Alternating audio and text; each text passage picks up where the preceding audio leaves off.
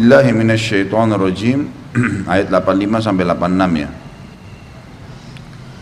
Yauma nahsyurul muttaqina ila ila rahmani wafda wa nasuqul mujrimina ila jahannam wirda. Ingatlah hari ketika ingat di sini maksudnya pelajarilah supaya kalian tahu. Ingatlah hari ketika kami mengumpulkan orang-orang yang bertakwa. Takwa artinya orang yang patuh dan tunduk kepada Tuhan yang Maha Pemurah sebagai pelurusan yang terhormat, artinya penyelesaian yang baik. Dan kami akan menghalau orang-orang yang durhaka ke neraka jahanam dalam keadaan dahaga. Ini dua ayat yang diangkat oleh beliau tentang masalah bagaimana nanti pembangkitan itu. Jadi orang beriman sama orang yang bermaksiat itu akan terpisah dengan sendirinya di mahsyar diatur oleh para malaikat orang-orang beriman sudah disusun semuanya dan mereka berdiri di belakang nabi mereka masing-masing. Jadi misalnya kita nanti umat Muhammad SAW di depan kita nanti ada Nabi Muhammad SAW dan orang berimannya akan tersendiri orang kafirnya akan tersendiri. Ya. karena ada hadis yang berbunyi semua nabi akan berdiri di belakangnya kaumnya. Beriman atau kafir. Semuanya maka akan terpisah dengan sendirinya. Orang-orang mukmin akan mulia dan orang-orang kafir dan juga masuk dalamnya orang yang fasik masih banyak dosanya juga terpisah sendiri. Orang-orang beriman di sini disebutkan dengan kemuliaan kata para ulama mereka tidak merasakan dahaga. Padahal pada saat itu panas, matahari cuma berapa mil saja. Sementara orang-orang kafir dan orang fasik merasakan dahaga. Sebagaimana hadis eh, ayat tadi, ayat 86 dari surah Maryam ini.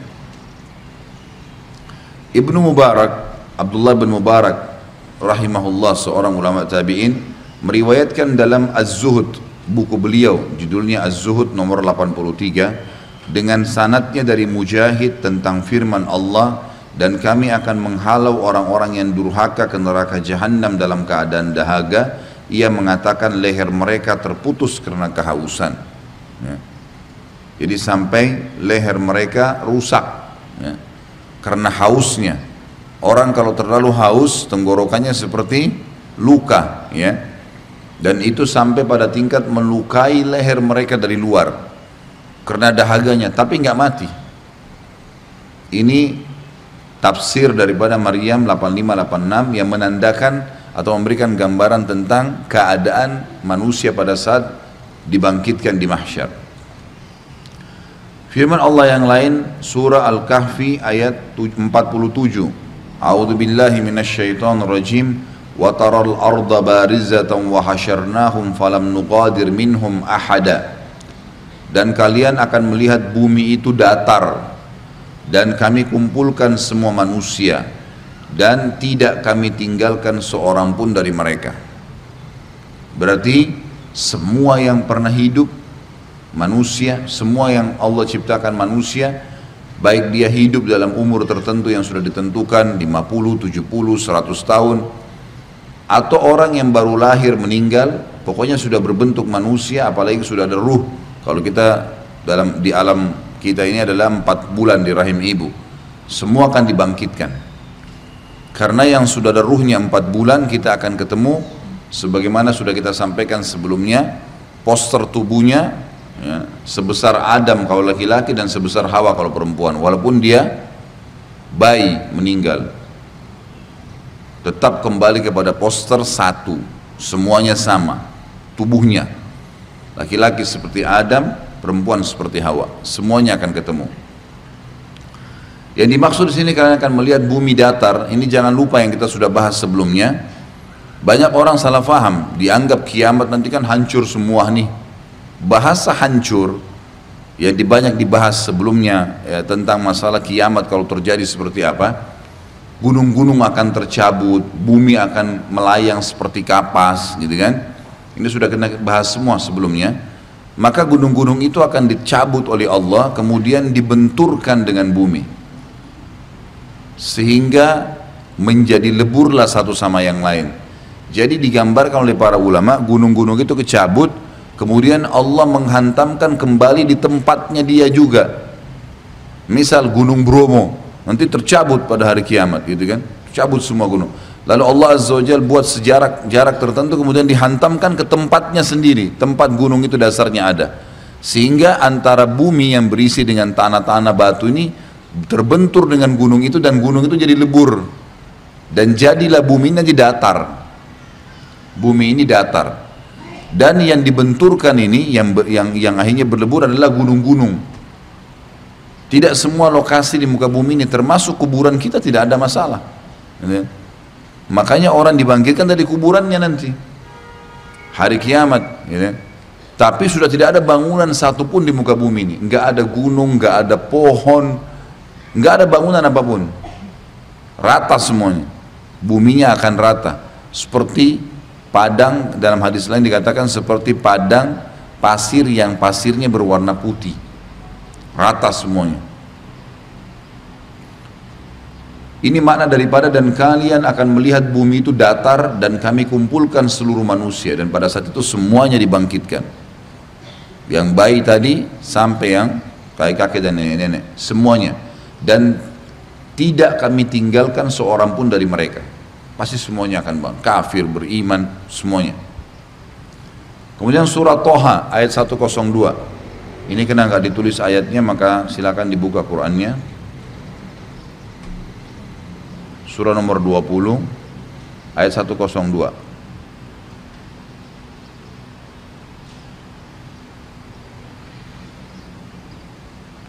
A'udzu billahi minasyaitonir rajim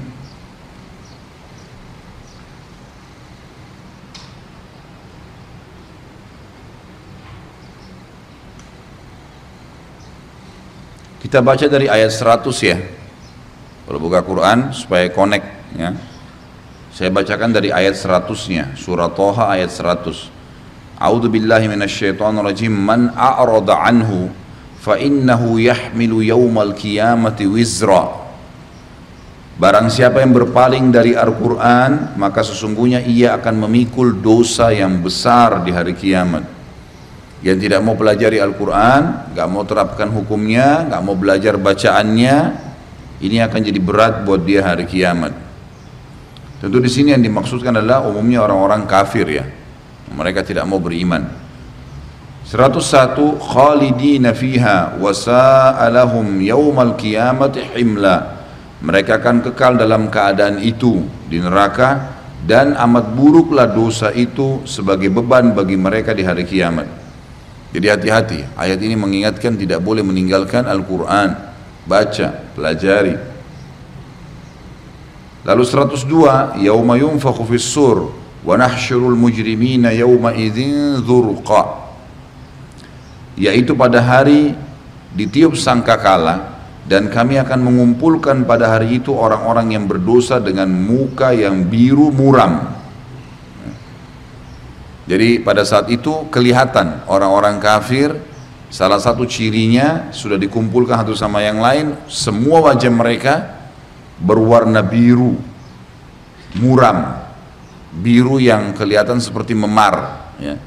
kalau ada orang luka memar kena biru biasanya birunya agak tua. Ada sedikit warna merah kadang-kadang ya. Seperti itu.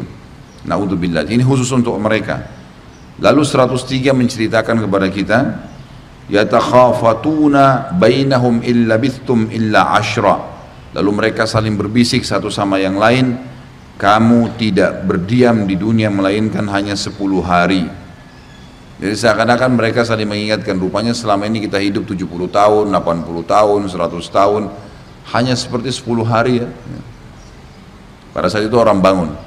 Hati-hati Bapak Ibu sekalian, kita kalau meninggal nanti Begitu ruh kita dicabut, datang malaikat maut, kita baru sadar. Oh ternyata dunia selama ini yang saya lewatin cuma itu ya. Bahkan di surga nanti orang kalau masuk di surga, insya Allah kita bahas di bahasan surga, itu seseorang bisa mengetahui riwayat hidupnya. Ya Allah saya mau tahu riwayat hidup saya.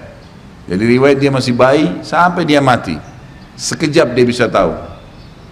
Di waktu akhirat, satu hari waktu akhirat sama dengan seribu tahun waktu dunia.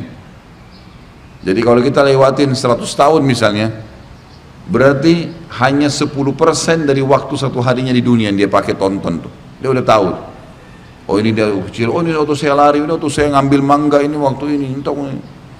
Tahu semua, ini pernah saya gini, pernah saya gini, sampai selesai. Oh ternyata cuma ini riwayatnya. Gitu. Makanya Allah SWT selalu ingatkan, kehidupan dunia cuma sebentar, jangan dikejar. Ini maaf teman-teman bapak ibu yang sudah sepuh, yang hadir di sini. Coba bayangkan dari pada saat kita masih kecil dulu. Sejenak pada saat ini, gitu kan? Merenungi berapa lama kira-kira yang sudah 60 tahun, 70 tahun. Seperti 70 tahun kan yang dibayangkan yang besar. Seperti baru kemarin, gitu kan? Seperti baru berapa hari. Itulah hakikat kehidupan dunia. Maka jangan jadikan sebagai target. Cuma di umur 30 tahun dulu pernah kita gagal makan di satu restoran sekarang baru sudah lewat ya. Mungkin kita pengen pada saat itu tidak terjadi. Apa ruginya? Atau kita pernah mau menikah sama seseorang terus tidak jadi? Sekarang sudah lewat 30 tahun yang lalu. Ruginya apa? Artinya coba bayangkan sesuatu yang besar lah yang kita sudah kehilangan di dunia ini lalu sekarang kita baru ingat apa yang rugi? Nggak ada sesuatu tangan kita nggak putus mata kita nggak buta nggak ada sesuatu dunia begitu Artinya sesuatu yang luput pun tidak ada sesuatu yang berma. Yang rugi itu hanya kalau kita tidak sempat beramal soleh sehingga kita dapat derajat yang tinggi di surga karena di sana kehidupan abadi. Dunia ini sebentar. Jadi jangan terlalu habisin umur di situ. Ada orang bersedih sampai kurus badannya hanya karena ada orang tidak bayar utang, hanya karena mungkin ada yang ceritain dia gosip, hanya uh, mungkin kehilangan apalah benda dia bukan muhasabah, oh mungkin mobil saya hilang atau motor saya hilang karena ada uang haramnya. Ya Allah gantikan. Padahal Allah lagi tarik dia supaya lebih dekat dengannya. Tidak ada yang rugi sebenarnya. Tidak ada sesuatu. Hilangan dunia ini pun sesuatu yang besar adalah hal yang kecil sekali. Kalau kita lihat rentetan hidup kita nanti, ternyata cuma kecil semua itu. Nggak ada nilainya. Kata Allah SWT 104-nya,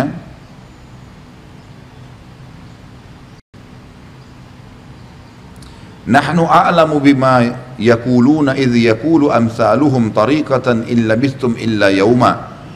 Kami lebih mengetahui apa yang mereka katakan. Jadi pada saat itu mereka bisik-bisik pun Allah sudah tahu. Buktinya sekarang saja sebelum dibangkitkan di mahsyar, kita lagi duduk di sini di masjid ini, jadi tahu apa yang mereka mau bicarakan kan?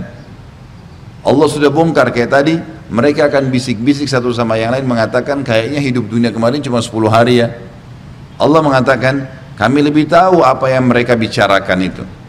Buktinya Allah sudah ceritakan pada kita sekarang. Sebelum terjadi mahsyar Allah sudah ceritain. Allah sudah tahu apa yang mereka mau ucapkan. Ketika berkata orang yang paling lurus jalannya di antara mereka kalian tidak tinggal di dunia melainkan hanya sehari saja. Jadi pada saat mereka saling bisik ada orang beriman di situ orang beriman akan mengatakan kalian tidak meninggalkan kalian tidak tinggal di dunia kecuali hanya sehari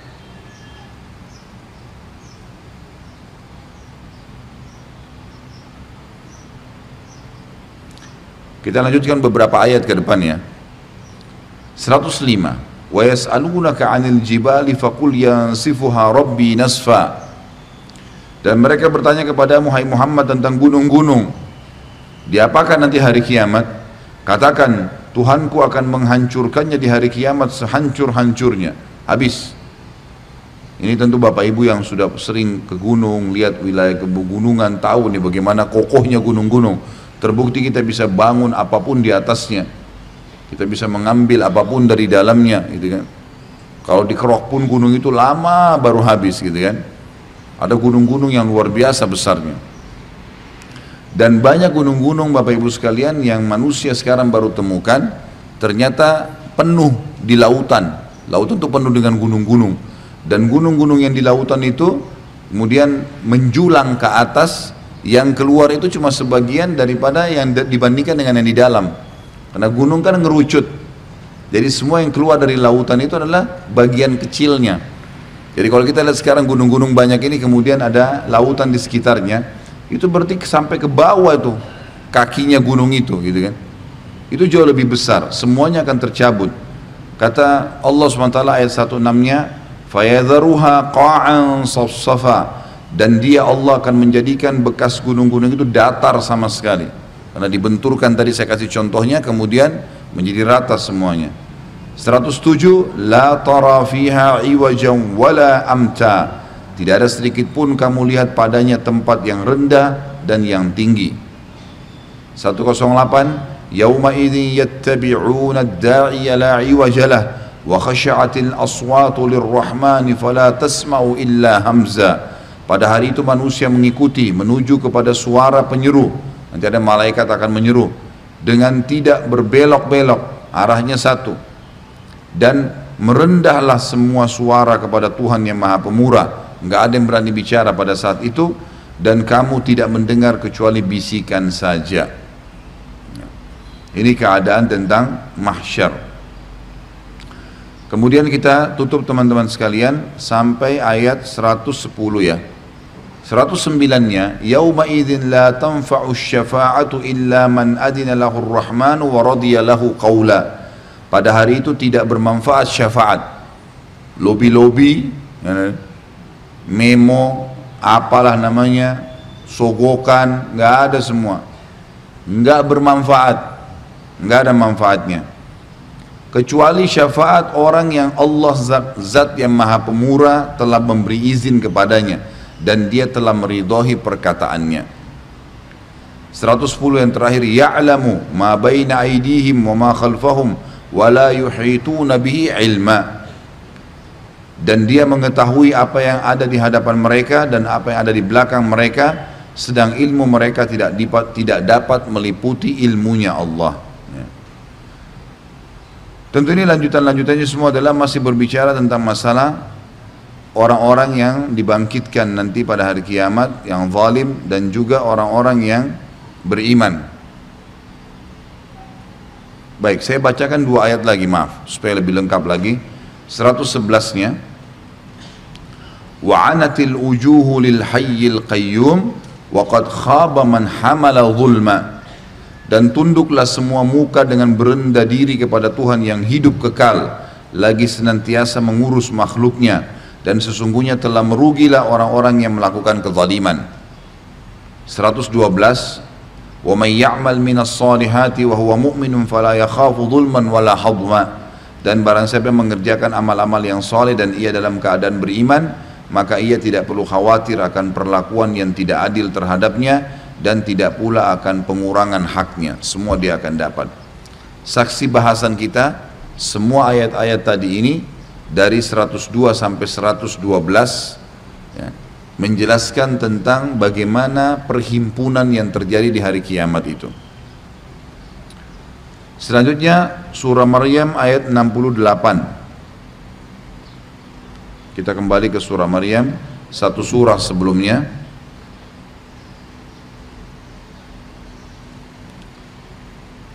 A'udzu billahi rajim. فوربك لنحشرنهم والشياطين ثم لنحضرنهم حول حول جهنم جثيا Demi Tuhan Muhai Muhammad Sesungguhnya akan kami bangkitkan mereka Semua manusia Bersama syaitan Semua jin-jin Kemudian akan kami datangkan mereka Ke sekeliling jahannam dengan berlutut mereka akan melihat neraka dan orang-orang kafir ini sudah kita jelaskan dan orang-orang yang akan masuk ke neraka orang munafik, orang musyrik mereka akan diletakkan di depan neraka jahanam dalam keadaan terlutut kemudian dirantai dan dilemparkan. Kita lanjutkan ayat 69-nya thumma lananzi'anna min kulli syi'atin ayyuhum ashaddu al-rahmani kemudian pasti kami akan tarik dari tiap-tiap golongan Siapa di antara mereka yang sangat durhaka kepada Tuhan yang Maha Pemurah? Artinya akan diambil, dilemparkan ke neraka tanpa hisap lagi. Enggak ada lagi timbangan amalnya. Orang kafir, munafik, musyrik ini masuk neraka tanpa hisap. Ayat 70, "Tsumma lanahnu a'lamu billadzina hum aula biha siniya." Dan kemudian kami sungguh lebih mengetahui orang-orang yang seharusnya dimasukkan ke dalam neraka jahanam. Sampai ayat 72 kita baca ya. Ayat 71-nya wa im minkum illa wariduha kana ala rabbika hatman maqdiya. Dan tidak ada seorang pun dari kalian melainkan mendatangi neraka itu. Hal itu bagi Tuhanmu adalah suatu kemestian yang sudah ditetapkan. Maksudnya akan lewat di atasnya. Orang-orang kafir munafik musyrik dilempar langsung masuk tanpa hisab. Orang-orang beriman yang fasik masih banyak dosanya pasti lewat di atas neraka jahanam untuk dimasukkan ke neraka. Dan orang-orang beriman yang akan masuk ke dalam surga pasti lewat juga untuk mengetahui oh ternyata ini neraka. Ya. sebagian ulama mengatakan bahkan orang-orang beriman itu bisa merasakan sebagian dari panasnya tapi tidak melukai mereka karena lewat di atasnya. Sehingga mereka tahu bagaimana dahsyatnya siksaan yang Allah telah ancamkan Ayat 72 memastikan orang-orang beriman itu akan lewat, kemudian mereka akan diloloskan. Thumma nunajjil ladzina taqaw wa nadharul zalimina fiha jithiya. Kemudian kami akan menyelamatkan orang-orang yang bertakwa dan membiarkan orang-orang yang zalim dalam neraka dalam keadaan berlutut.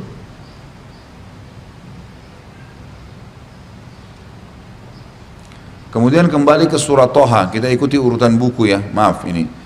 Urutan dalam buku kita kita ikutin. Surah Toha kembali ke surah 20 ayatnya 128 124.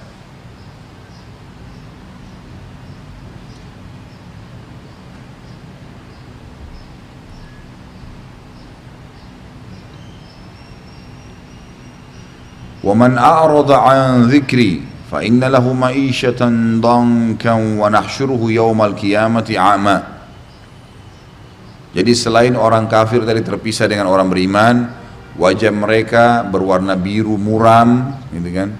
Kemudian dalam kondisi berlutut, ya. Keadaan-keadaan pada saat di perhimpunan pada saat itu ya.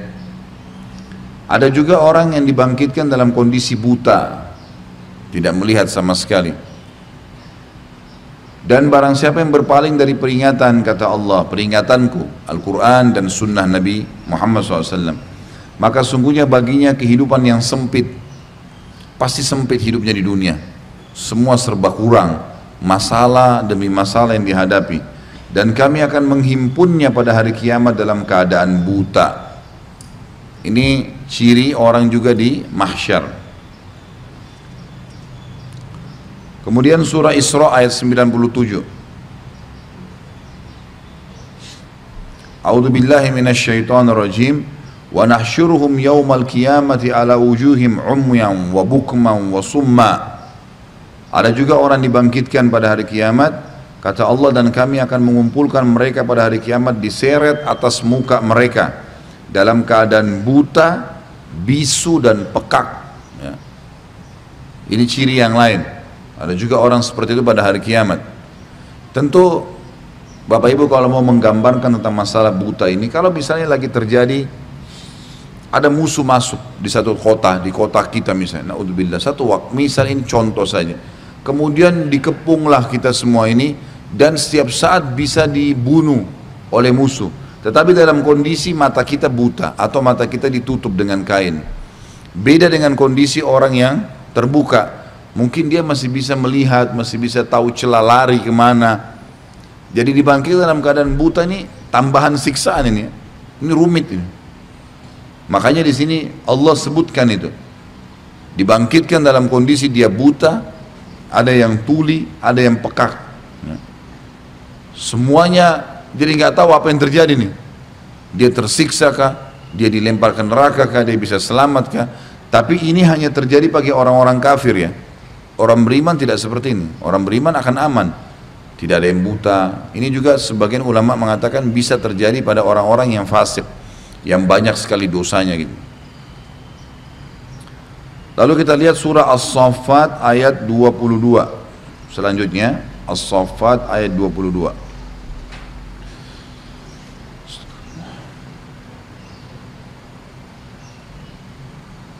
Surah nomor 37 ya.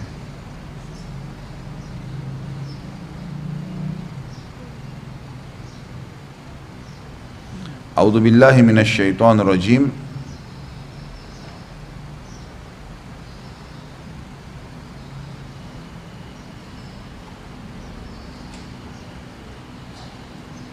Sebentar dulu saya lihat ayat-ayat sebelumnya.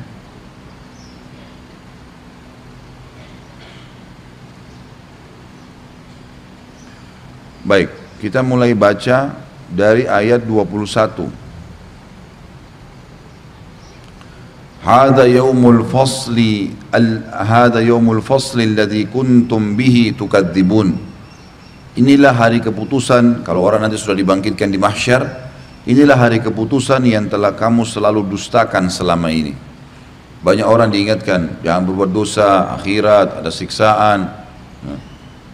Kata Allah di ayat 22, ini saksi bahasa yang ditulis di buku, Uhsyurul, Uhsyurul ladhina zalamu wa azwajahum wa ma ya'budun. Kepada malaikat diperintahkan kumpulkanlah orang-orang yang zalim beserta teman sejawat mereka dan sembahan-sembahan yang selalu mereka sembah. Kita lanjutkan beberapa ayat ke depan. Ayat 23-nya min dunillahi fahduhum ila siratil jahim. Jadi orang yang pernah sembah berhala, orang yang pernah sembah manusia, orang yang pernah sembah syaitan, Allah bangkitkan semua bersama-sama. Berhala-berhala yang pernah dia sembah dibangkitkan juga. Allah SWT datangkan kembali. Lalu dikatakan yang, yang mereka sembah selain Allah maka tunjukkanlah pandu mereka disuruh para malaikat kepada neraka jahanam. Ayat 24 waqifuhum innahum mas'ulun dan tahan mereka di tempat perhentian karena mereka akan diminta pertanggungjawaban. Lalu kata Allah ditanya pertama sekali sebelum mereka dilemparkan ke neraka jahanam, "Malakum la tanasarun?" Kenapa sekarang kalian tidak tolong menolong? Balhumul yawma mustaslimun kata Allah. Karena memang pada hari itu mereka akhirnya menyerahkan diri. Terus ya kita baca beberapa ayat. Wa aqbala ba'duhum ala ba'din yatasaalun. Pada saat itu mereka saling berhadap satu sama yang lain dan mereka akhirnya berbantah-bantahan. Apa yang mereka bilang? Qalu innakum kuntum ta'tunana 'anil yamin. Pengikut-pengikut mereka berkata kepada pimpin-pimpinan mereka, sesungguhnya kalianlah yang datang kepada kami dari sisi kanan. Maksudnya sisi kanan ini ngerayu kami, nggak apa-apalah, janjikan ini, apa salah, atau diberikan fasilitas kayak pemerintah misalnya memberikan fasilitas perzinahan, terus ini. Nanti orang-orang yang buka fasilitas perzinahan itu akan berkata di depan Allah nanti hari kiamat kepada pemimpin, kalian dulu yang izinkan kami, misal. Itu pembicaraan di antara mereka nanti. Qalu bal lam takunu mu'minin. Tapi pimpinan mereka mengatakan, sebenarnya kalianlah yang tidak beriman. Wa ma kana lana 'alaikum min sultan bal kuntum qauman taghin. Kata pemimpin mereka dan sekali-kali kami tidak berkuasa terhadap kalian, bahkan kalianlah kaum yang melampaui batas. Fahaqqa alaina qawlu rabbina inna ladzaikun. Maka pastilah putusan azab Tuhan kita semuanya terhadap kita nih, kata mereka ya. Sesungguhnya kita akan merasakan azab itu. Fa'agwainakum inna kunna gawin. Maka kami telah menyesatkan. Kami telah menyesatkan kalian sungguhnya kami adalah orang-orang yang sesat. Jadi akhirnya kalaupun pimpinannya mengatakan percuma. Kita sekarang mau bantah-bantahan tidak ada gunanya. Azab ini neraka kita akan masuk semua. Nggak ada gunanya. Ini sekaligus memberikan peringatan. Jangan karena ada izin untuk berbuat dosa misalnya izin buat ini buka itu. Lalu kita bilang kenapa pemerintah izinkan? Nggak apa-apa deh kita buka aja. Jangan karena nanti Allah sudah ceritakan yang memberikan izin semua itu akan menolak hari kiamat. Kalian sendiri salah. Siapa suruh? Gitu kan. Seperti itulah. Kemudian dikatakan di sini fa innahum yauma idzin fil azabi. Maka sungguhnya mereka nanti pada hari kiamat di neraka bersama-sama dalam azab. Inna kadzalika naf'alu lil mujrimin. Begitulah kami lakukan terhadap orang-orang yang berbuat jahat. Jahat ini maksudnya tidak mengikuti perintah Allah. Innahum kanu idza qila lahum la ilaha illallah yastakbirun. Mereka selalu di dunia kalau dikatakan la ilaha illallah, enggak ada Tuhan yang berhak disembah kecuali Allah, patuhi, tinggalkan larangannya. Nanti ada surga dan neraka mereka selalu mengatakan atau menyombongkan diri. Wa yaqulun a inna latariku alihatina li syairin majnun. Lalu mereka ada di antara ini teguran kepada orang-orang Arab jahiliyah di Mekah. Mereka berkata kepada Nabi SAW, apakah sungguhnya kami akan meninggalkan sembahan-sembahan kami, patung-patung yang kami buat ini, hanya karena seorang penyihir, penyair, penyair yang gila, julukan kepada Nabi SAW. Bal ja'a bil mursalin. Tapi kalian tidak tahu sebenarnya Muhammad itu telah datang membawa kebenaran dan membenarkan rasul-rasul sebelumnya. Lalu terakhir adalah innakum ladzaikul adzabil alim. Sesungguhnya karena perbuatan kalian tadi menolak untuk beriman dan beramal saleh akan membuat kalian masuk kepada azab yang pedih. Ayat demi ayat Allah Subhanahu wa taala menggambarkan tentang keadaan di mahsyar. Tapi yang dari ayat panjang tadi surah uh, As-Saffat ini ya. Dari ayat 22 sampai ayat tadi 37, 38 ya. Saya bacakan tadi sampai ayat 38 semua itu menggambarkan kepada kita tentang adanya dialog di antara orang-orang yang akan masuk neraka dari orang yang mengajak dan orang yang diajak dari pemimpin dengan bawahan ya. Termasuk kalau ada teman-teman yang kerja di perusahaan begitu. Atasannya suruh buat nota palsu ya jangan mau. Nanti hari kiamat kita yang bertanggung jawab. Ya silakan buat sendiri. Saya nggak mau ikut-ikutan gitu kan. Kalau perlu ancam kalau begini saya akan laporin nih ke polisi. Kalau memang kita yang mau dipecat harus begitu ingkar mungkar nggak bisa. Supaya dia berhenti. Ada orang malah keluar, jangan keluar kecuali kalau memang perusahaannya haram, gitu kan. Kalau enggak ingatkan, ancam. Kalau enggak saya lapor nih, kalau saya disuruh begini, gitu kan. Supaya dia takut, dia berhenti. Karena kadang-kadang ada orang subhanallah malah dia yang terdolimi, gitu kan. Ini harus diberhentikan, tidak boleh tidak. Jangan sampai malah didukung gitu. Ada banyak orang subhanallah yang bilang, Ustaz saya terpaksa melakukan dosa karena atasan saya ajak. Apa boleh buat? diajak ke diskotik, diajak ke karaoke, harus saya ikut karena urusan kerjaan. Nah ini sama nih dalam ayat tadi sudah dijelaskan. Nanti hari kiamat bantah-bantahan sendiri tuh. Kamu kan yang ajak, ya kamu yang ikut, gitu. Kan. Jadi begitu. Apa gunanya? Tidak ada gunanya. Ini, ini teman-teman yang habisin waktunya, umurnya di diskotik setiap malam, apa yang didapat? Apa yang didapat coba? Apa? Gak ada. Kupingnya pekak, gitu. sakit, ngomong harus teriak-teriak sama orang, mabuk-mabukan. Allah uh, syaitan menghiasi buat mereka. Khamar itu, teman-teman sekalian kata ulama ya, khamar itu diberi, diadakan penelitian kepada orang-orang yang taubat lalu ditanya, apa yang kamu rasakan sekarang setelah kamu taubat di khamar itu? Apakah ada manis? Sama madu kah? Samakah dengan sirup? Jawabannya semua tidak, pahit malah. Nggak enak malah. Tapi syaitan menghiasi seakan-akan itu lebih hebat, lebih baik daripada madu yang jelas-jelas buat kesehatan, manis gitu. Apa yang mereka dapat? Ada. Orang yang sudah berzina sekarang, berzina gonta-ganti pasangan, anggap sudah berzina dengan seribu orang. Misal, gonta-ganti pasangan, sebentar ini, sebentar itu, baik.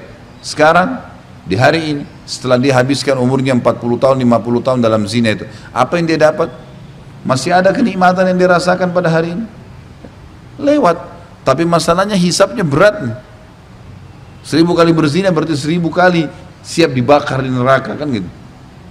Maka beda dengan orang yang beramal soleh Bapak Ibu sekalian. Kalau amal soleh berbeda. Amal soleh yang pernah kita kerjain 20 tahun yang lalu 30 tahun yang lalu pernah haji pernah sholat tetap kita akan rasakan akan dapatkan nanti hasilnya hari kiamat gitu kan.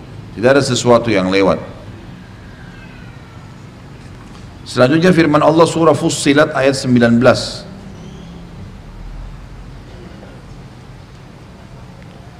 Ya, surah nomor 41 berdekatan semua kok ini.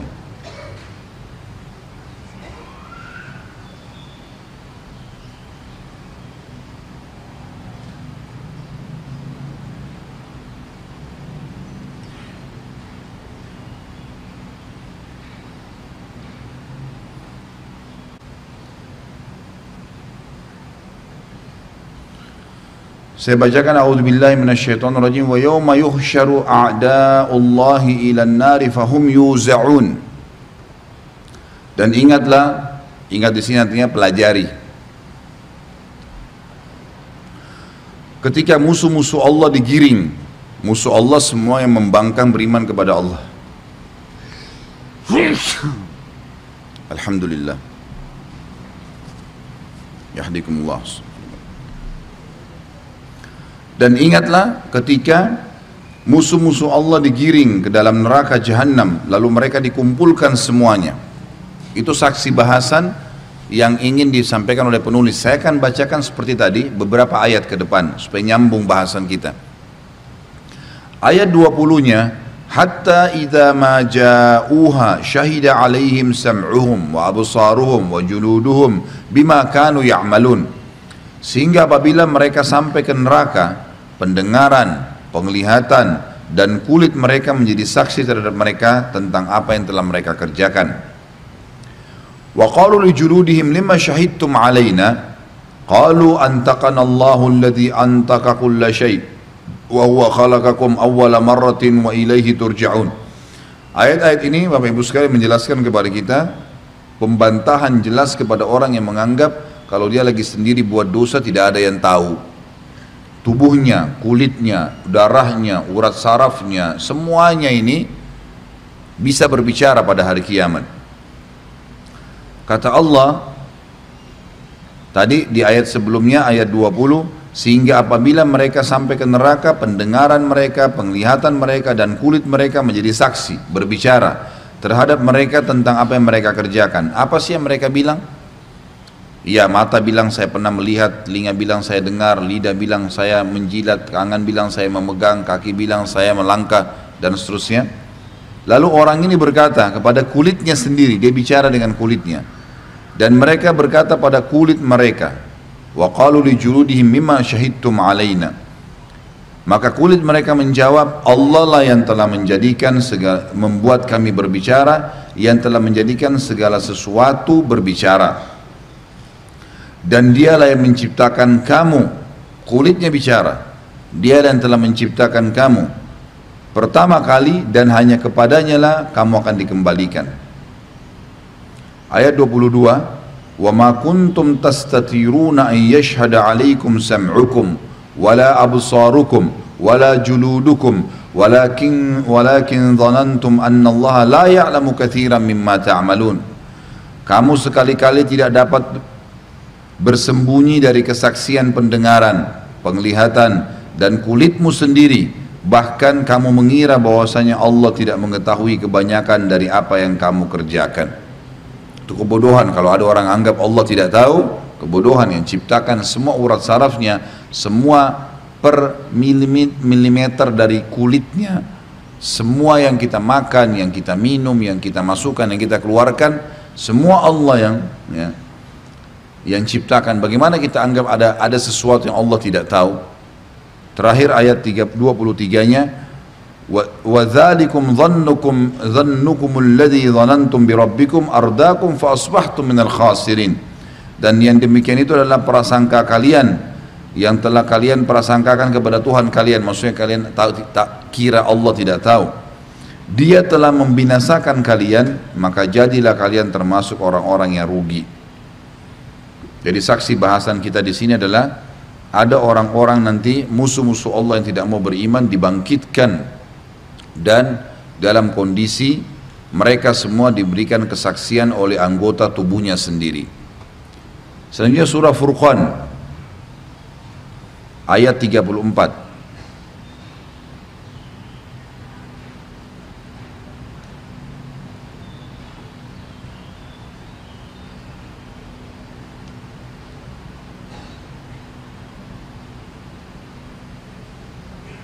Sudah ketemu surah nomor berapa?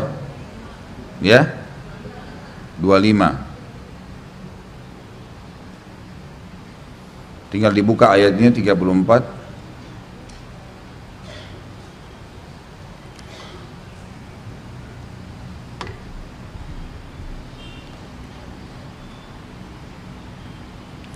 أعوذ بالله من الشيطان الرجيم الذين يخشرون على وجوههم إلى جهنم أولئك شر مكانا وأضل سبيلا dan orang-orang yang dihimpunkan ke neraka jahanam dengan diseret atas muka-muka mereka mereka itulah orang-orang yang paling buruk tempatnya dan paling sesat jalannya itu semua ayat-ayat Al-Quran yang menceritakan tentang sifat perhimpunan pada hari kiamat kita sekarang masuk ke hadis Nabi SAW yang menjelaskan tentang masalah pembangkitan ini. Di dalam sebuah hadis yang diriwayatkan oleh Imam Bukhari dan Imam Muslim, Ibnu Abbas radhiyallahu anhu mengatakan Rasulullah SAW berdiri di tengah-tengah kami untuk memberikan nasihat. Seraya beliau bersabda, Ayuhan nas, innakum mahsyuruna ilallahi hufatan uratan gurla kama bada'na awwala khalqin nu'iduhu wa'dan alaina inna kunna fa'ilin ألا وإن أول الخلائق يكسى يوم القيامة إبراهيم عليه السلام. ألا وإنه سيجاء برجال من أمتي فيؤخذ بهم ذات ذات الشمال. فأقول يا ربي أصيحابي فيقال إنك لا تدري ما أحدث بعدك. فأقول كما كما قال العبد الصالح wa kuntu alaihim syahidan ma dumtu fihim falamma tawaffaitani kunta antar raqib alaihim wa anta ala kulli syai'in syahid itu syahidnya dalam bahasa Arab dihapus yang satu ya ada dua di situ. Bisa lihat bukunya yang pegang buku? Dalam ayat itu ayat Al-Quran. Ala kulli syai'in syahid syahidnya ada dua kan? Dicoret yang satunya.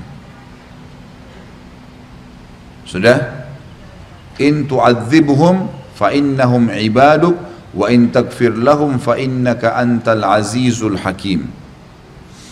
Wahai manusia sesungguhnya kalian akan dikumpulkan kata Nabi SAW kepada Allah pada hari kiamat dalam keadaan telanjang kaki tanpa busana lagi tak berkhitan. Jadi semua kita dibangkitkan dalam kondisi memang tidak berbusana ada riwayat lain menjelaskan Aisyah sempat mengatakan ya Rasulullah kalau begitu laki-laki perempuan akan saling lihat satu sama yang lain. Maka kata Nabi SAW, wahai Aisyah, pada hari itu bukan seperti yang kau bayangkan. Nggak ada lagi waktu orang mau lihat auratnya orang lain. Di hari kiamat sudah nggak ada. Jangankan hari kiamat, sekarang kalau kondisi Jakarta lagi diserang sama musuh, di sana sini orang pegang pedang, main ditebas saja orang yang lewat. Ada orang lari telanjang. Bapak Ibu masih sempat lihat auratnya? Hah? atau ada kebakaran, ada gempa. Udah nggak terfikir karena orang terfikir untuk berbuat dosa itu kalau lagi santai, lagi nggak ada masalah. Nah itu baru buat dosa. Makanya kita disuruh mengisi waktu dengan kegiatan-kegiatan ibadah. Karena waktu buat dosa itu syaitan paling gampang menguasai orang kalau lagi liha, lahir apa lagi santai-santai ya. Maka itu lebih banyak berbuat dosa. Makanya isi semua dengan ibadah. Ishara ahli nar cairan ahli nar atau usara di sini maksudnya. Usara. Isara atau usara. Kalau mau ditambah supaya lebih pasti sebelum i dikasih koma atas. Karena itu ain. Usara atau isara gitu kan cairan ahli neraka yaitu apa yang diperas dari tubuh mereka berupa luka dan nanah. Ini diberikan minuman bagi penghuni neraka. Wa naudzubillah Hadis selanjutnya hadis diriwayatkan oleh Imam Bukhari Imam Muslim. Abu Hurairah meriwayatkan radhiyallahu anhu Rasulullah SAW bersabda manusia dikumpulkan pada hari kiamat dengan tiga cara.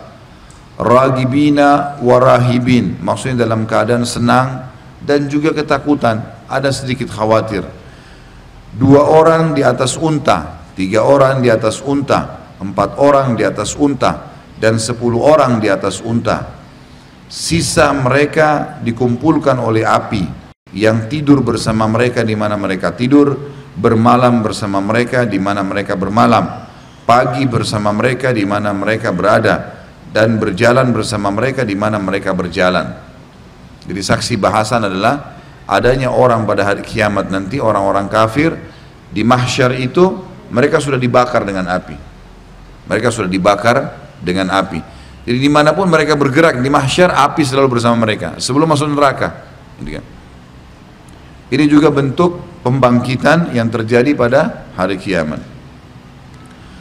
Di dalam hadis yang lain juga menjelaskan kepada kita hadis ini diriwayatkan oleh Imam Bukhari Muslim ini menandakan karena panasnya sampai akhirnya orang-orang pada keringatan, gitu kan?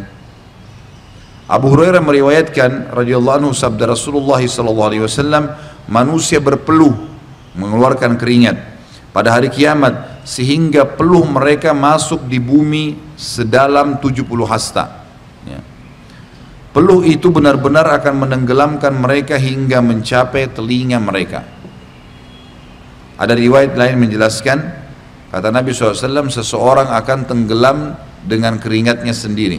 Ada yang tenggelam dengan keringatnya sampai mata kakinya, ada yang sampai lututnya, ada yang sampai perutnya, ada yang sampai tenggorokannya, dan ada yang tenggelam dengan keringat sendiri. Tergantung dengan dosa yang dia lakukan.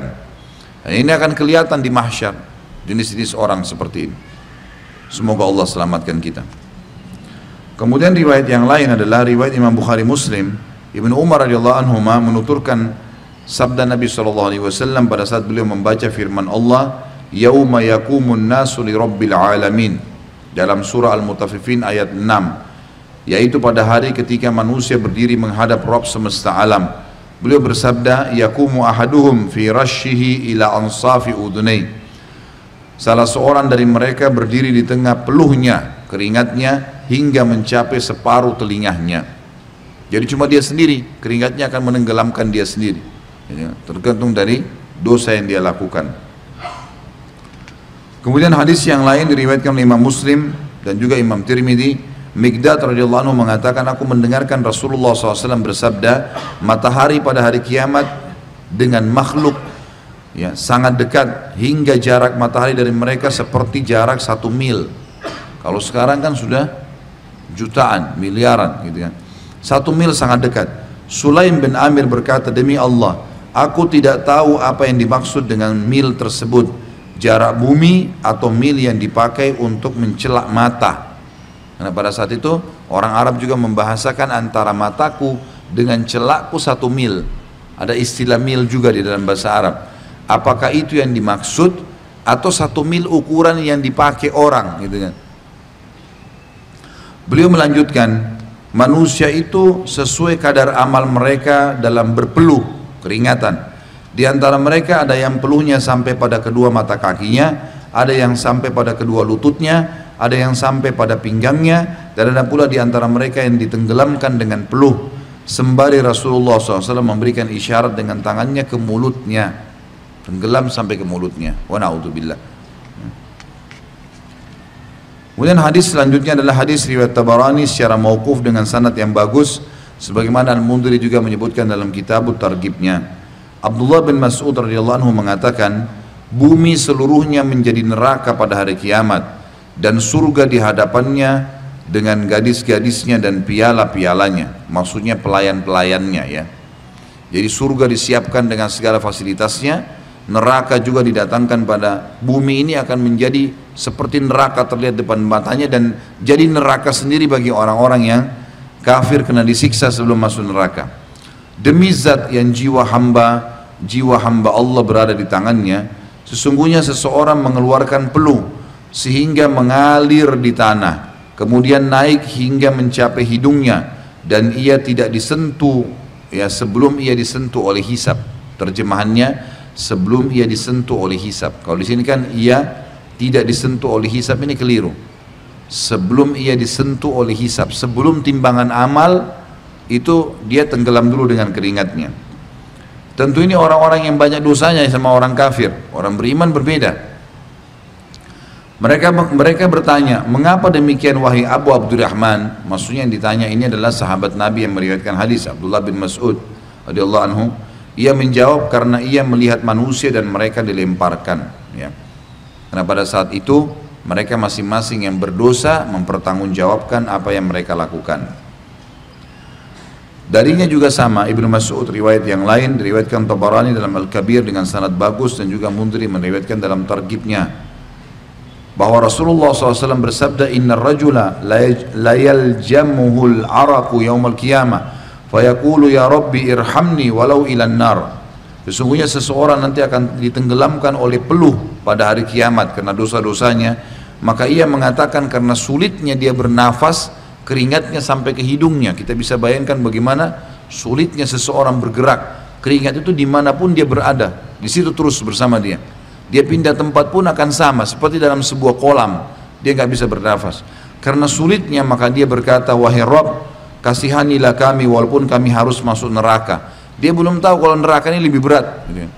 tapi saking susahnya dengan keringat itu sampai mereka memohon seperti tadi Dan hadis terakhir dalam pasal kita adalah hadis riwayat Abu Ya'la dengan sanad sahih sebagaimana dinyatakan juga oleh eh, Mundri dalam targibnya.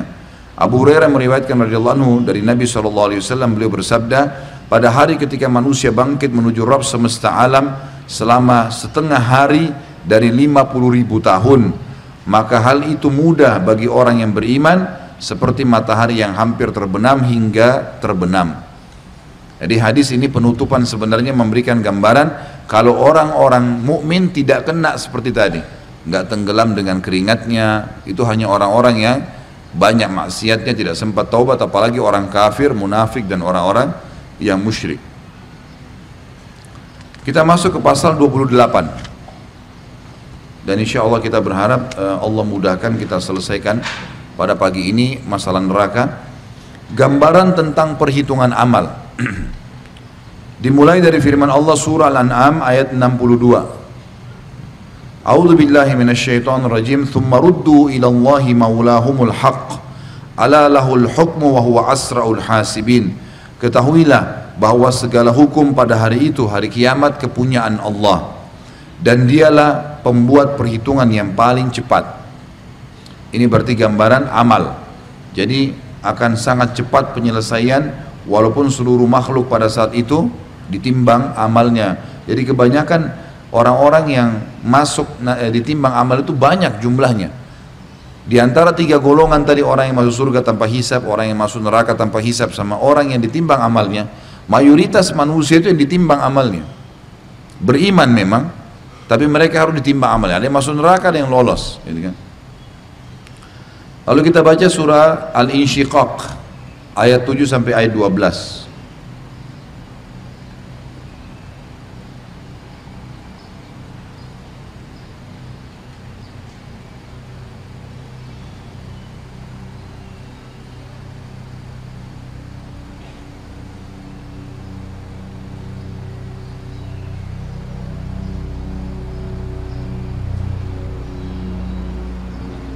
Insyikak itu 84 ya Surah 84 Ayat 7 sampai ayat 12 Tapi saya bacakan dari ayat 1 Al-Insyiqaq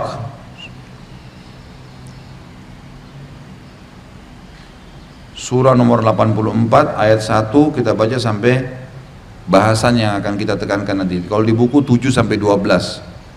A'udzu billahi minasyaitonir rajim tentang hari kiamat. Idza samaa'un syaqqat. Apabila langit benar-benar terbelah. Karena hari kiamat nanti kita akan lihat langit itu terbelah dan kelihatan banyak malaikat di sana. Wa adinat li rabbiha wa dan patuh kepada Tuhannya dan sudah semestinya langit itu patuh. Wa idzal ardu muddat dan apabila bumi diratakan wa alqat ma fiha wa takhallat dan bumi melemparkan atau dilemparkan apa yang ada di dalamnya dan menjadi kosong. Semua gunung-gunung tercabut batu-batu semua keluar. Wa adzinat li rabbiha wa huqqat. Dan patuh bumi itu pada Tuhannya dan sudah semestinya bumi itu patuh. Pada waktu itu manusia akan mengetahui akibat perbuatannya. Ya ayyuhal insanu innaka kadihun ila rabbika qadhan famulaqi. Hai manusia Sesungguhnya kalian semua telah bekerja dengan sungguh-sungguh menuju Tuhan kalian, maka pasti kalian akan menemuinya. Orang yang beriman paksakan diri beribadah. Orang yang kafir sudah berbuat segala macam karena butuh energi. Orang pun berbuat dosa butuh energi. Sudah bersungguh-sungguh melakukan. Kalian pasti akan ketemu dengan Tuhan kalian. Ada garis terakhirnya. Fa amma man utiya kitabahu biyamini siapa pun yang akan menerima tangan kitabnya dengan tangan kanannya buku amalnya fasaufa yuhasabu hisaban yasira. Maka dia akan diperiksa dengan pemeriksaan yang mudah. Wa yanqalibu ila ahlihi masrura. Dan dia akan kembali kepada kaumnya atau keluarganya yang beriman ya dalam keadaan gembira. Wa amma man utiya kitabahu wara'a dhahri. Adapun orang-orang yang diberikan kitabnya dari belakang fasaufa yalqa thubura. Maka dia akan teriak celakalah aku. Wa yasla sa'ira. Dan dia akan masuk ke dalam api yang menyala-nyala. Innahu kana fi ahlihi masrura. Dulu dia di dunia selalu bergembira di kaumnya ya yang sama-sama kafir maksudnya ya. innahu dhanna an yahur. Sesungguhnya dia menyangka bahwasanya dia sekali-kali tidak akan kembali kepada Tuhannya lalu kata Allah bala ila inna rabbahu kana bihi basira sesungguhnya benar-benar Tuhannya itu selalu melihatnya ya. jadi saksi bahasan kita sampai ayat 15 Al-Insyiqaq 1 sampai 15 jadi di sebelahnya tulis kan itu 7 sampai 12 ya. Tulis tambahan 1 sampai 15. Sekarang kita baca surah Al-Haqqah ayat 18 sampai 29 sesuai dengan buku kita tapi nanti kita lihat sebentar ya.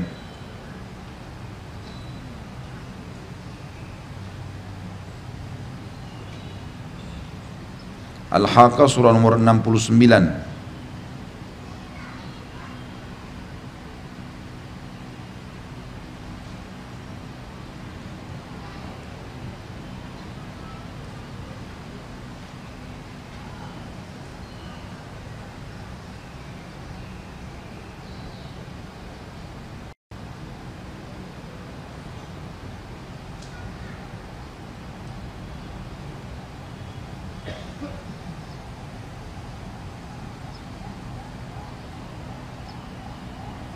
Baik.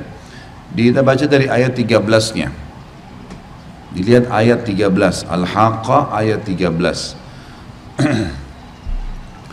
A'udzu billahi minasyaitonir rajim fa idza nufikha fis suri nafkhatun wahidah maka apabila sangkakala ditiup dengan satu kali tiupan wa humilatil ardu wal jibalu fadukkata dakkatan wahidah dan diangkatlah bumi dan gunung-gunung lalu dibenturkan keduanya sekali benturan fayauma idzin waqa'atil waqi'ah. Dan pada hari itu terjadilah hari kiamat. Wa insyaqqatis sama'u fahiya yauma idzin wahiyah. Dan terbelahlah langit karena pada hari itu langit menjadi lemah. Wal malaku ala arjaiha wa yahmilu arsya rabbika fawqahum yauma idzin thamaniyah. Dan malaikat-malaikat berada di penjuru-penjuru langit. Dan pada hari itu delapan malaikat menjunjung arsh Tuhan kalian atau Tuhanmu hai Muhammad di atas kepala mereka. Yauma idzin tu'raduna la takhfa minkum khafiyah. Pada hari itu kalian semua akan dihadapkan kepada Tuhan kalian. Tidak ada sesuatu pun dari keadaan kalian yang tersembunyi bagi Allah. Utiya kitabahu biyaminihi fayaqulu ha umqra'u kitabiyah Adapun orang-orang yang diberikan kitabnya dengan tangan kanannya atau di sebelah kanannya, maka ia berkata, ambillah dan bacalah kitabku ini. Dia bangga dengan itu karena tahu dia akan lolos. Inni dhanantu anni mulaqin hisabiyah. Sesungguhnya aku yakin bahwasanya aku akan menemui hisab terhadap diriku. So, aku akan lolos. Fahuwa fi isyatir radiyah. Maka orang itu berada dalam kehidupan yang diridhoi. Fi jannatin aliyah. Dalam surga yang tinggi kutufuha daniyah buah-buahannya sangat dekat. Kulu washrabu hani'an bima aslaftum fi ayyamil khaliyah. Fil ayyamil khaliyah. Kepada mereka dikatakan makan dan minumlah dengan sedap. Disebabkan disebabkan amal yang telah kalian kerjakan pada hari-hari yang telah lalu di dunia. Wa amma man utiya kitabahu bishimalihi fayaqulu ya laitani lam uta kitabiyah Adapun orang-orang yang diberikan kepadanya kitabnya dari sebelah kirinya, maka dia berkata, wahai alangkah baiknya kalau aku tidak menerima kitabku ini. Walam adri ma hisabiyah, dan aku tidak mengetahui hisab terhadap diriku. Ya laitaha kanatil qadiyah, wahai sekiranya kematian yang pernah terjadi di dunia, itu sudah menyelesaikan segala sesuatu. Artinya sudah habis, sudah nggak ada pembangkitan. Ma agna anni maliyah, ternyata tidak ada manfaat hartaku untukku halaka anni sultania telah hilang kekuasaanku. Mana pegawainya? Mana orang suruhannya dulu? Khuduhu fagullu. Ambil dia kata Allah subhanahu wa ta'ala. Dan belenggulah dia ke lehernya tangannya ke lehernya. Thummal jahima sallu. Kemudian masukkan dia ke dalam api neraka yang menyala-nyala. Thumma fi silsilatin dhar'uha sab'una dira'an fasluku. Kemudian belitlah dia dengan rantai yang panjangnya 70 hasta Terakhir, innahu kana la yu'minu billahil azim wa la yahuddu ala tu'amil miskin. Falaisa ha lahul ha huna yauma falaisa lahul yauma ha huna hamim. Sampai ayat 35 karena dia tidak beriman kepada Allah yang maha besar tidak juga memberikan makan orang miskin dan dia tidak tidak ada seorang teman pun baginya pada hari ini. Jadi saksi bahasan kita di situ ditulis sebelah Al-Haqqah 13 sampai 35 itu kan 18 sampai 29 Abu Hurairah anu meriwayatkan sabda Rasulullah SAW. Sekarang kita masuk ke hadis. Hadis ini diriwayatkan oleh Imam Tirmidzi dan beliau menilai hasan sahih. La tazulu kadama abdin yawmal qiyamati hatta yus'alu an arba'a an umurihi fima afnah wa an ilmihi madha amila bih wa an malihi min aina iktasabahu wa fima anfaqah wa tidak tergelincir kedua kaki seorang hamba tidak akan berpindah berpijak kaki seorang hamba pada hari kiamat kecuali ditanya padanya empat perkara. Yang pertama tentang umurnya untuk apa ia habiskan. Waktu kita keseharian menit-menit detik demi detik apa yang kita lakukan? Bermanfaatkah? Diperintahkankah? Jauhi yang dilarangkah oleh Allah? Itu semua pertanggungjawaban tentang ilmunya apa yang telah dia lakukan. Sudah pernah belajar sudah tahu tentang sholat tentang puasa sudah diamalin belum? Yang ketiga tentang hartanya dari mana dia dapatkan sumbernya halal gak dan untuk apa dia nafkahkan? Manfaatnya ada? Ya. serta tentang tubuhnya untuk apa ia pergunakan? Kesehatan yang Allah kasih tangannya kakinya semuanya anggota tubuhnya itu ke mana dia gunakan ini menandakan memang akan ada ya hisab ya. Di hisab itu masuk dalamnya tentang anggota tubuhnya sendiri sebelum berbicara tentang hubungan dia dengan makhluk yang lain atau manusia yang lain. Selanjutnya hadis riwayat Bukhari dan riwayat Imam Muslim Aisyah radhiallahu anha meriwayatkan sabda Nabi SAW barang siapa yang dikeluarkan barang siapa yang dikeluarkan hisabnya maka ia akan diazab maksudnya siapa yang jelas-jelas hisapnya lebih berat amal buruk dari amal baiknya, maka dia pasti disiksa. Aku bertanya, bukankah Allah berfirman kata Aisyah, adapun orang yang diberikan kitabnya dari sebelah kanannya, maka ia akan diperiksa dengan pemeriksaan yang mudah dan dia akan kembali kepada kaumnya yang sama-sama beriman dengan gembira. Insyiqaq ayat 7 sampai 9. Beliau menjawab sallallahu alaihi wasallam itu adalah al-ard penyampaian dan tidak ada seorang pun yang dihisap pada hari kiamat melainkan ia binasa. Maksudnya kalau ada orang terima dengan tangan kanannya berarti pasti orang itu selamat. Udah. Udah pasti selamat. Enggak ada lagi hisap. Yang dimaksud nanti dia akan dihisap dengan mudah adalah maksudnya dia akan ya dilihatkan bukunya lalu jalan. Udah. Ada orang nanti yang terima bukunya dengan tangan kiri. Ini pasti masuk ke neraka. Ada orang yang terima bukunya dengan belakang di punggungnya. Ini adalah orang-orang beriman yang masih punya dosa, dihisap lagi, ditimbang amalnya. Jadi perbedaannya itu, tangan kanan, tangan kiri, dan juga orang yang terima dari belakang punggungnya. Tapi saksi bahasan kita adalah akan ada hisap. Siapa yang dihisap, maka dia sangat terancam untuk binasa, gitu kan. Karena bisa lolos masuk ke neraka, jelas. Dalam riwayat yang lain riwayat Bukhari dan Muslim, Aisyah radhiallahu meriwayatkan juga bahwa ia mengatakan Rasulullah SAW bersabda, berlaku benarlah, saling dekatlah dan berikanlah kabar gembira. Maksudnya lakukan perbuatan yang Allah perintahkan, saling dekat itu maksudnya saling peringatkan dan beritakan berita gembira. Kalau sholat dapat ini, kalau puasa dapat ini, amal-amal saleh. Karena yang memasukkan seseorang ke dalam surga bukanlah amalnya. Mereka bertanya, termasuk engkau wahai Rasulullah? Beliau menjawab, termasuk aku. Hanya saja Allah meliputiku dengan rahmatnya. Jadi password untuk masuk surga, rahmat Allah. Menentukan derajat di surga dan menyelamatkan di timbangan amal adalah amal soleh. Saksi bahasan kita di sini adalah orang masuk ke surga dengan rahmat Allah Subhanahu wa taala ini termasuk bentuk dalam hisab. Nah, kita bicara masalah hisab. Kemudian hadis yang selanjutnya riwayat Imam Muslim dan Imam Tirmidzi. Abu Hurairah radhiyallahu meriwayatkan sabda Rasulullah SAW, kalian benar-benar akan menunaikan hak-hak kepada orang yang berhak menerimanya pada hari kiamat, sehingga dibalas dibalaskan untuk kambing yang tidak bertanduk dari kambing yang bertanduk. Hadis ini memberikan gambaran kepada kita kalau binatang pun akan dibangkitkan. Dan Allah Azza wa akan menghisap tak kambing yang menanduk ya itu akan dihisap oleh Allah kenapa dia menanduk yang sedang tertanduk. Walaupun sebagian ulama mengatakan hewan-hewan ini dengan kuasa Allah setelah dibangkitkan dihisap mereka akan dimusnahkan oleh Allah. Karena sudah tidak ada lagi ya e, tempat buat mereka, gitu kan. Yang jelas saksi bahasan kita ternyata Allah Azza wa dalam hisap amal bukan hanya manusia sampai hewan antara hewan dengan hewan pun ada hisapnya. Hadis selanjutnya hadis riwayat Imam Ahmad dengan sanad hasan sebagaimana juga Mundri menyebutkan dalam tarkibnya Abu Hurairah anu meriwayatkan sabda Nabi SAW la yakhtasimanna kullu syai'in yawmal qiyamah hatta syatani fi man ta fi man tataha fi man ta fi man tatahata Segala sesuatu benar-benar akan berbantah-bantahan pada hari kiamat hingga dua ekor kambing tentang perkara tanduk menanduk. Semua akan ada hisapnya.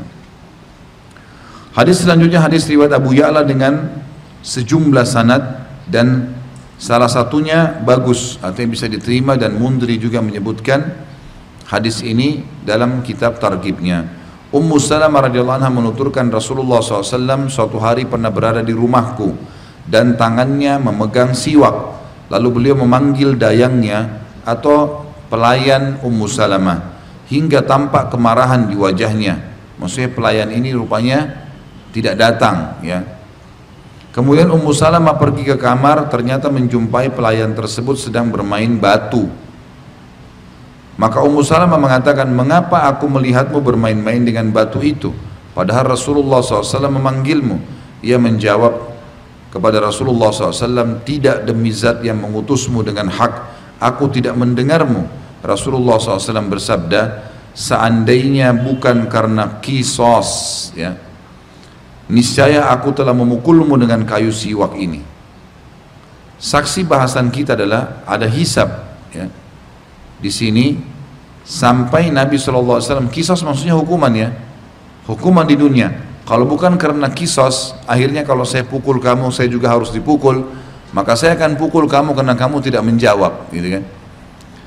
Tapi di sini ulama memasukkan hadis ini dalam masalah hisab, artinya kalau sampai seseorang sengaja mendengar orang lain manggil, apalagi orang itu punya hak terhadap dia dan dia tidak mau datang, misal anak dipanggil oleh orang tuanya, bawahan dipanggil oleh atasannya, ada hak mereka.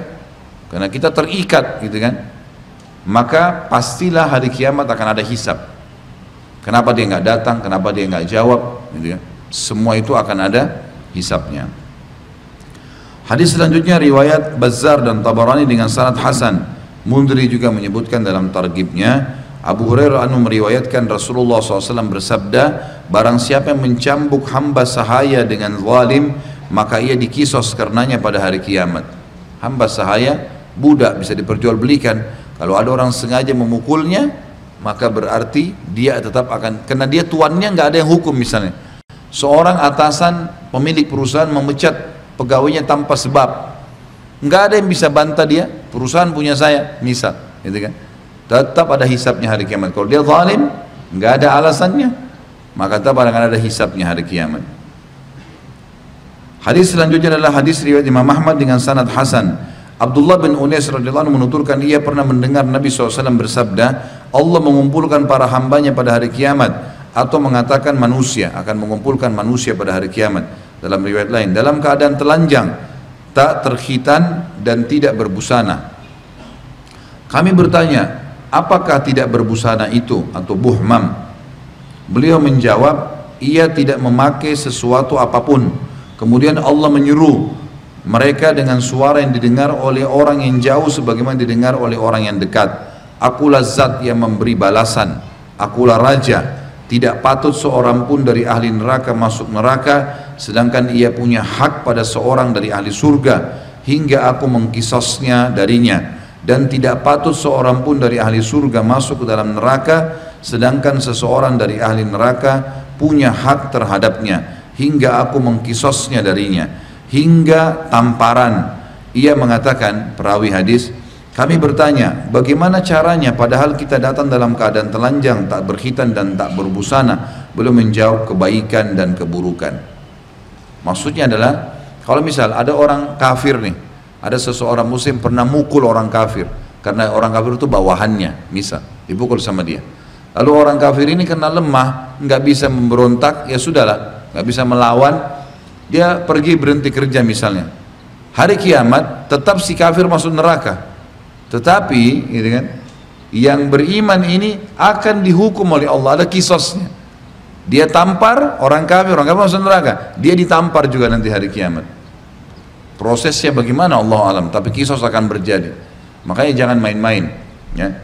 Pernah ada seorang sahabat, tapi saya terlupa namanya dalam hadis Bukhari Muslim, lewat di negeri Syam, ada satu kaum, ini kaumnya orang kafir ya, Rupanya orang-orang kafir ini tidak mau bayar jizyah. Tahu jizyah? Upeti. Kan kalau mereka e, tidak mau masuk Islam, dalam pemerintahan Islam mereka diminta upeti. Rupanya ada sebagian orang muslim yang bertugas petugas keamanan mendatangi orang-orang kafir ini yang tidak mau bayar jizyah. Karena nggak mau, mereka diseret, diikat di tiang, dikenakan matahari. Panas, kepanasan. Sampai mereka keringat-keringat Bahkan dalam riwayat ini dikatakan dituangkan minyak panas di kepala mereka, gitu kan. Orang-orang kafir yang disiksa sama orang orang muslim nih.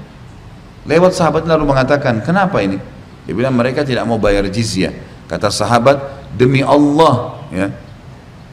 Sesungguhnya Allah akan mengkisas, menghukum siapa pun yang menyiksa manusia atau hamba di dunia." Jadi termasuk subhanallah mungkin manusia tendang kucing, kucing nggak bisa melawan. Tetap ada kisosnya hari kiamat. Dihukum sama Allah. Nggak ada ceritanya lolos semua yang akan dihisap. Makanya dalam hadis ini dikatakan tidak layak penghuni neraka masuk neraka sementara dia punya hak dari penghuni surga sampai penghuni surga jadi kisos. Nggak bisa. Harus semuanya. Lalu kemudian sahabat tadi mengatakan berhentikan nih. Diberhentikan. Lalu kata dia sesungguhnya Allah akan menghukum siapa pun yang menghukum manusia atau, meng, atau menyiksa manusia di dunia. Tanpa sebab ya. Karena mereka baca suruh bayar saja tagi kalau nggak mau ya sudah tunda kasih waktu gitu kan. Seperti itulah. Maka sahabat ini pun memasuki bertemu dengan gubernurnya pada saat itu di wilayah Syam kemudian meminta agar melepaskan dan akhirnya dimaafkan karena rupanya gubernur juga tidak tahu kalau sebagian keamanannya dia melakukan perbuatan itu saksi bahasan kita akan ada hisab hari kiamat jadi jangan sampai kita menganggap kita mukul orang, kita ini, kita itu, hati-hati Bapak Ibu sekalian. Jalan hujan, ada orang kepercik air hujan, hati-hati. Berhenti kalau perlu, turun, maaf ya. Daripada hari kiamat kita kena masalah, gitu kan. Makanya pelan-pelan kalau jalan, jangan ugal-ugalan. Gitu. Kecuali kalau sudah tidak ada air baru, gitu kan. Dan banyak hal yang lain lah. Selanjutnya hadis Nabi SAW riwayat Imam Muslim dan Imam Tirmidzi Abu Hurairah radhiyallahu anhu meriwayatkan sabda Rasulullah SAW atadruna manil muflis qalu al muflisu fina man la dirham lahu wa قال المفلس من أمتي من يأتي يوم القيامة بصلاة وصيام وزكاة ويأتي وقد شتم هذا وقذف هذا وأكل مال هذا وصفق دم, دم هذا وضرب هذا فيقضى هذا من حسناته وهذا من حسناتي فإن فنيت حسناته قبل أن يقضي ما عليه أخذ من خطاياهم فطرحت عليه ثم طرح في النار. Apakah kalian tahu siapa orang yang bangkrut itu? Mereka menjawab, Nabi SAW tanya para sahabat, orang yang bangkrut menurut kami adalah orang yang tidak ada dirham dan dinarnya dan hartanya. Maksudnya orang yang bisnis terus kemudian hilang semuanya. Beliau bersabda, orang yang bangkrut sebenarnya dari umatku ialah orang yang datang hari kiamat membawa pahala solat, lengkap semua, pahala puasa, pahala zakat, juga membawa dari satu sisi dosa karena pernah mencaci maki orang ini, pernah menuduh orang itu, pernah memakan hartanya orang yang ini, mengalirkan darah orang yang itu dan memukul orang yang ini. Lalu dosa-dosa itu ditebus dengan kebaikan-kebaikannya. Jika kebaikan-kebaikannya telah habis sebelum menyelesaikan kewajibannya, maka keburukan-keburukan mereka ditimpahkan kepadanya, kemudian ia dilemparkan ke dalam neraka. Hadis selanjutnya, hadis diriwayatkan, hadis ini cukup panjang. Diriwayatkan oleh Imam Muslim.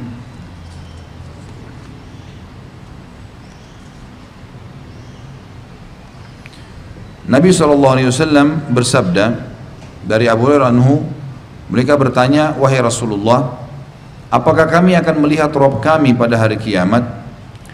Beliau balik bertanya apakah kalian kesulitan melihat matahari di tengah hari yang tidak berawan? Mereka menjawab tidak. Beliau bertanya lagi apakah kalian kesulitan melihat bulan di malam purnama yang tidak berawan? Mereka menjawab tidak. Beliau bersabda demi zat yang jiwaku berada di tangannya Kalian tidak kesulitan melihat Rabb kalian sebagaimana kalian tidak kesulitan melihat salah satu dari keduanya, bulan atau matahari tadi, tanpa awan. Lalu hamba berjumpa dengan Robnya dan dia bertanya, wahai fulan, bukankah aku memuliakanmu, menjadikanmu sebagai pemimpin, menikahkanmu, menundukkan untukmu kuda dan unta, serta membiarkanmu menjadi pemimpin dan mengambil bagian seperempat dari rampasan perang, ia menjawab, iya wahai Robku.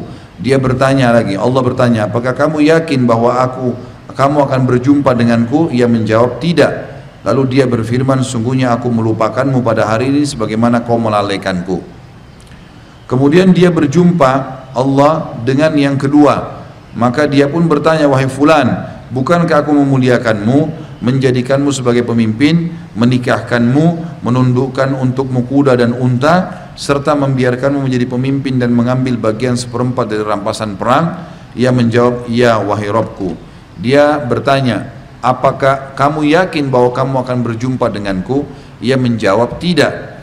Dia berfirman sungguhnya aku melupakanmu pada hari kiamat sebagaimana kamu kalian atau kalian melalaikanku atau kamu melalaikanku kemudian dia berjumpa dengan yang ketiga maka dia bertanya lagi wahai fulan bukankah aku memuliakanmu menjadikanmu sebagai pemimpin, menikahkanmu, menundukkan untukmu kuda dan unta, serta membiarkanmu menjadi pemimpin dan mengambil bagian seperempat dari rampasan perang, ia menjawab, iya wahai Robku.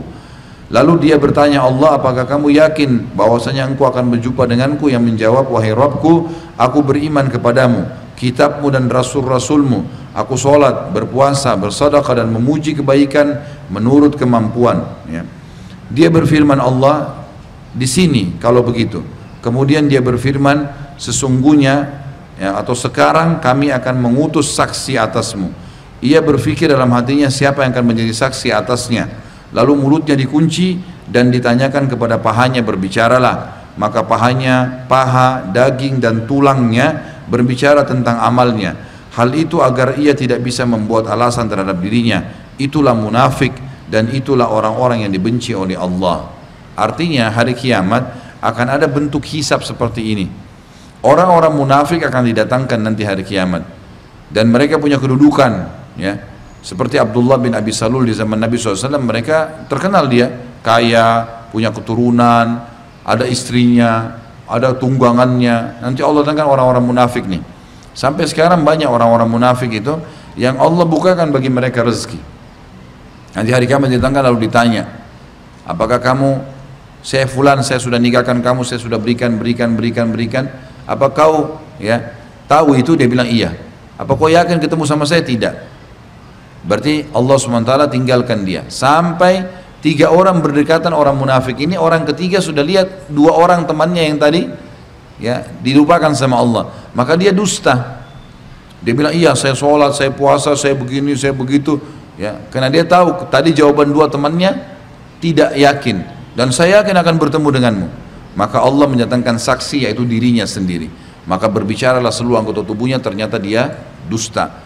Lalu Allah subhanahu wa ta'ala lemparkan semua ke dalam api neraka dan Nabi SAW pastikan yang dimaksud adalah orang-orang munafik dan ini bentuk hisapnya orang-orang munafik ya, tidak ada timbangan amal tapi ini hisap dihardik oleh Allah SWT untuk jelas memastikan mereka tidak ada alasan kenapa dimasukkan ke dalam surga. Mereka tidak ada alasan menolak. Eh, kenapa tidak? Kenapa dimasukkan ke neraka? Tidak ada alasan menolak untuk masuk neraka karena perbuatan mereka sendiri. Ini bentuk hisab yang ada. Kemudian hadis riwayat Imam Muslim selanjutnya, Ummu Mubashir Al-Ansariyah radhiyallahu anha pernah mendengarkan Rasulullah SAW berkata di sisi Hafsah, "La yadkhulun nara insya'allahu min ahli syajarati ahad alladzina bay'u tahtaha Qalat bala ya Rasulullah. Fantaharaha faqalat Hafsah wa in minkum illa wariduha. Faqala Nabi SAW, Qad qala Allah Ta'ala thumma nunajji alladhina attaqaw wa nadhara adh-dhalimina fiha jithiya. Tidak akan masuk surga jika Allah kehendaki sesuai dengan yang Allah yang kehendaki seorang uh, tidak akan masuk neraka maaf tidak akan masuk neraka jika Allah kehendaki seorang pun dari ahlu syajarah di situ tidak eh, diterjemahkan di bawahnya ya. Ahlu syajarahnya Bapak Ibu yang pegang buku dikasih tanda kurung ya. Ahlu syajarah. Terjemahannya adalah orang-orang yang berbaiat di bawah pohon. Jadi ada kisahnya ya. Pada saat Nabi Shallallahu Eh, akan menuju umroh di bulan Zulkaadah di tahun uh, eh, 6 Hijriah. Pada saat itu Nabi SAW keluar dengan 1400 orang Bapak Ibu sekalian untuk umroh. Ternyata pas tiba di Hudaybiyah, ya, mereka tertahan. Orang-orang Quraisy keluar dengan pasukannya untuk menahan mereka, ya, supaya tidak masuk umroh. Terjadilah kesepakatan Hudaybiyah. Pada saat itu, waktu sementara mau kesepakatan Hudaybiyah, sempat orang-orang Quraisy mau buat masalah nih, mau buat masalah supaya menahan muslimin. Karena kalau muslimin sudah masuk wilayah haram, maka secara otomatis Hudaybiyah perbatasan wilayah haram ya.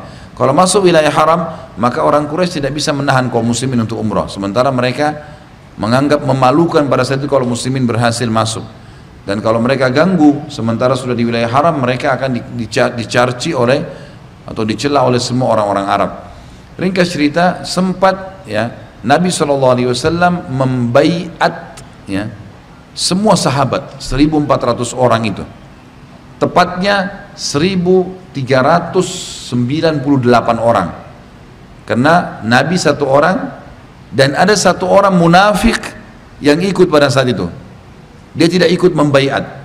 Jadi yang ikut membaiat 1398 orang. Bayat itu Nabi SAW berdiri di bawah sebuah pohon lalu berkata kalian harus berjanji tidak akan meninggalkan aku dalam peperangan kalau tadi perang sama Quraisy. Masing-masing membayar ya Rasulullah kami membayar saat masing-masing bersalaman dengan Nabi SAW di bawah pohon lalu kata Nabi SAW tidak ada seorang pun dari kalian setelah 1398 itu salaman dengan Nabi SAW memberikan dukungannya. Kata Nabi SAW tidak ada seorang pun dari kalian kecuali pasti masuk surga. Ini orang yang membayar di bawah pohon ini ini pasti semua masuk surga. Kecuali satu orang yang sembunyi di belakang unta merah. Ada satu orang munafik yang tidak mau ikut. Dia kebetulan ikut di dalam dalam uh, umroh ini tapi dia tidak mau ikut membaiat maka itu yang tidak dapat surga. Karena dia orang munafik gitu kan? Tapi ini yang dimaksud dengan eh, orang-orang uh, yang berada di bawah pohon. Kisahnya dari kesepakatan Hudaybiyah. Jelas sampai sini? Nanti Bapak Ibu bisa ikutin dalam materi sirah saya. Insya Allah mungkin ahad kedua di bulan Mei baru saya bahas memang tentang masalah kesepakatan Hudaybiyah. Di antaranya panjang lebar kisah tentang proses Hudaybiyah ini dan ada namanya syajarah, bayat ridwan namanya di bawah pohon itu. Itu yang dimaksud di sini tidak akan masuk neraka jika Allah kehendaki seorang pun dari ahlu syajarah atau orang-orang yang berbayat di bawah pohon. Hafsah mengatakan, tidak wahai Rasulullah. Ya Beliau pun membentak, ya. Maka Hafsah mengatakan, maksudnya di sini ini terjemahan kurang tepat ya.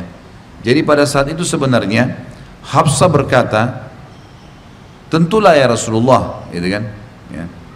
Tetapi bukankah Allah berfirman, gitu kan? E, mengatakan, tapi bagaimana dengan Allah SWT berfirman, wa in illa wariduha. Semua kalian pasti akan lewati neraka itu. Lalu Nabi SAW berkata, Allah juga berfirman, sesungguhnya Allah akan menyelamatkan orang-orang yang bertakwa dan membiarkan orang-orang zalim dalam keadaan berlutut. Jadi saksi bahasan kita di sini adalah bahwasanya orang-orang yang pernah mengikuti bayat di bawah pohon akan tidak akan masuk neraka. Makna lain adalah mereka tidak ada hisap. Mereka tidak dihisap. Dan itu jumlahnya banyak ya, 1398 orang tadi dari sahabat. Ini kemuliaan. Selanjutnya hadis Nabi SAW, hadis ini diriwayatkan oleh Imam Bukhari.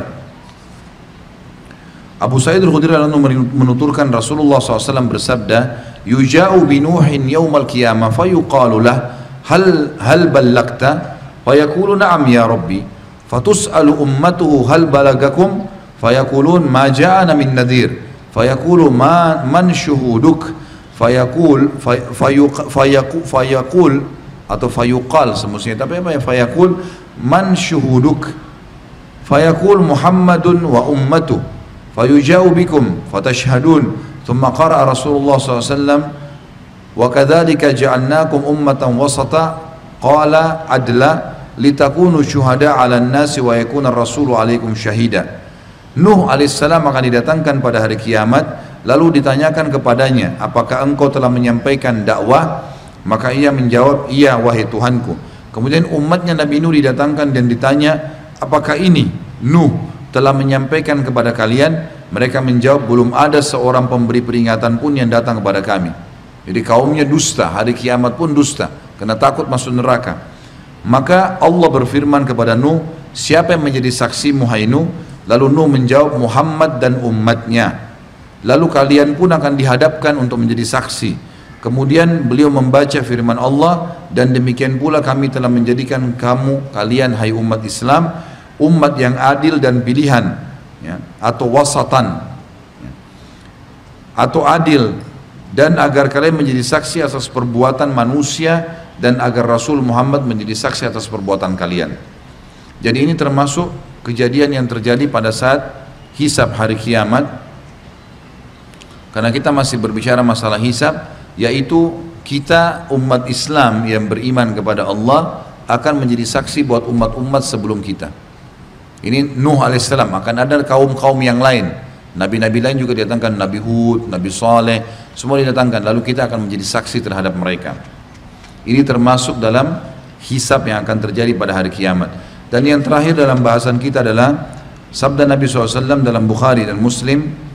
Adi bin Hatim Allah mengatakan Rasulullah SAW bersabda, "Ma minkum ahadun illa sayukallimuhu sayukallimuhu rabbu laisa bainahu wa bainahu turjuman." fayanduru aymana minhu. Fala yara illa ma qaddama min amalihi wa yanduru ash'ama minhu. Fala yara illa ma qaddam. Wa yanduru bayna yaday fala yara illa an-nara illa an-nara tilqa wajhi. Fattaqun nara walau bisyikkit tamra. Tidak ada seorang pun dari kalian melainkan robnya akan bercakap-cakap dengannya. Pasti berbicara. Dalam riwayat lain dikatakan tanpa ada penterjemah. Tanpa ada perantara di antara keduanya.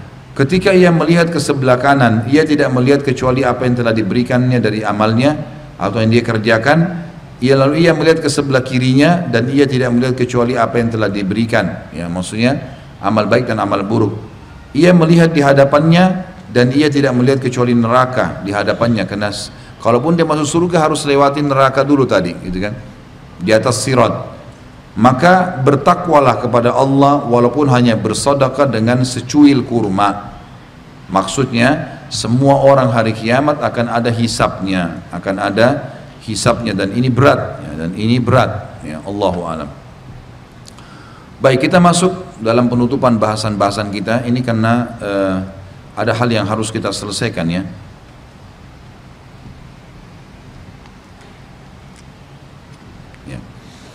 Pasal 29, rupa-rupa azab pada hari kiamat, beberapa siksaan hari kiamat. Dimulai dari surah Al-Imran ayat 180. A'udzu billahi minasyaitonir rajim. Eh, maaf. Ali Imran 180 ini diterjemahkan oleh Nabi SAW, maksudnya di, di, ditafsirkan dalam riwayat Bukhari. Abu Hurairah anu meriwayatkan Rasulullah SAW bersabda, "Man atallaha malan falam yuaddi zakata, mustila lahu ma maluhu syuja'an aqra, lahu dhabibatan." يطوقه يوم القيامة يأخذ بلهزمتيه يعني بشقيه. يقول أنا مالك أنا كنزك. ثم تلا الآية لا يحسبن لا يحسبن الذين يبخلون بما آتاهم الله من فضله هو خيرا لهم. سيطوقون ما بخلوا به يوم القيامة ولله ميراث السماوات والأرض والله بما تعملون خبير.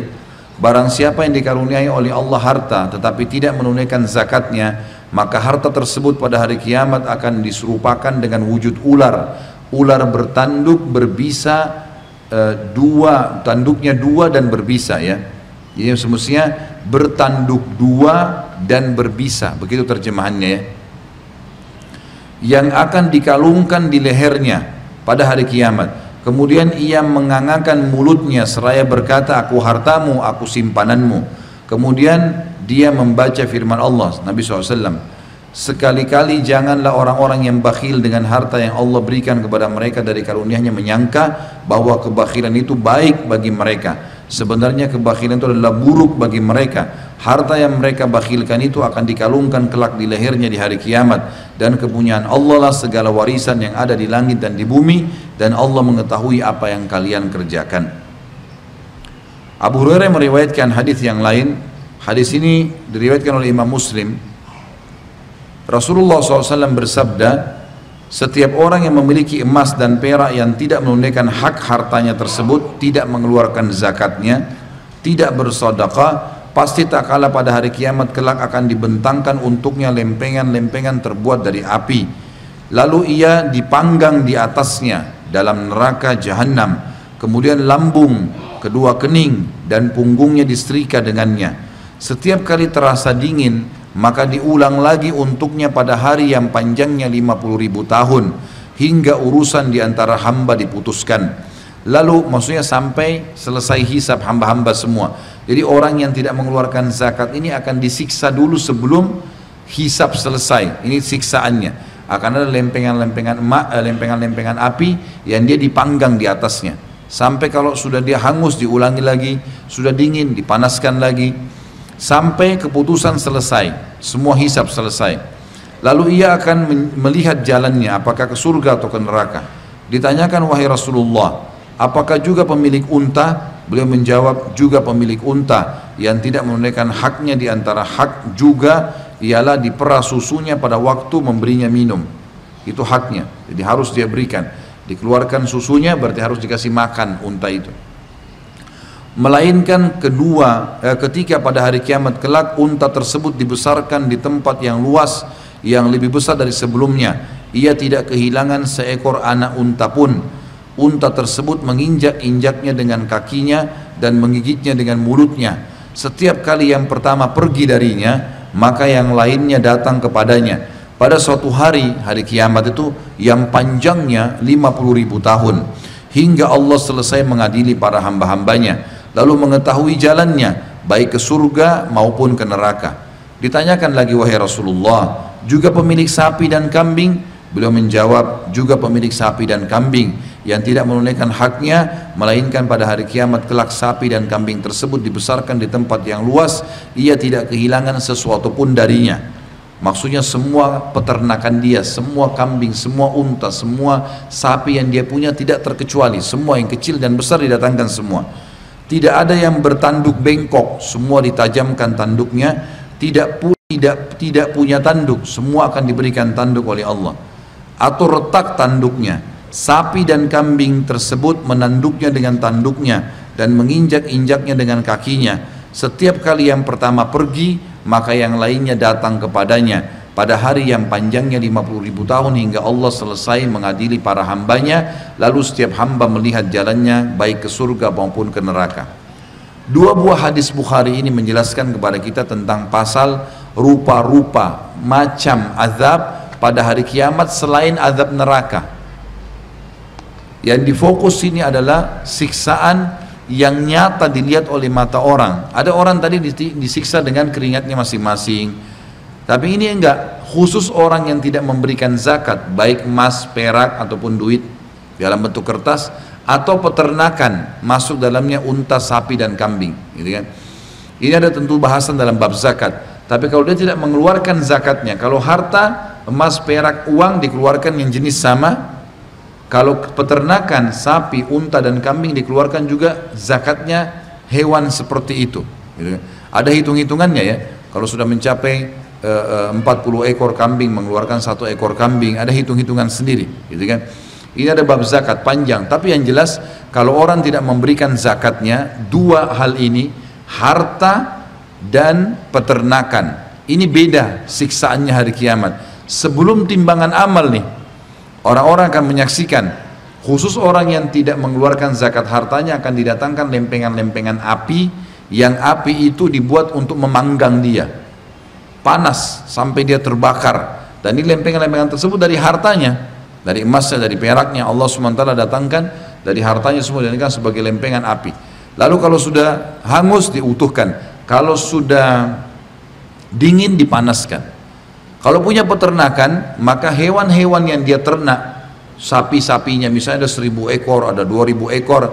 Sebagian ulama hadis mengatakan semua peternakannya termasuk hewan-hewan yang pernah sudah dijual atau mati. Misalnya ada orang peternak sapi sudah 30 tahun. Dia nggak pernah keluarin zakat sapinya gitu kan?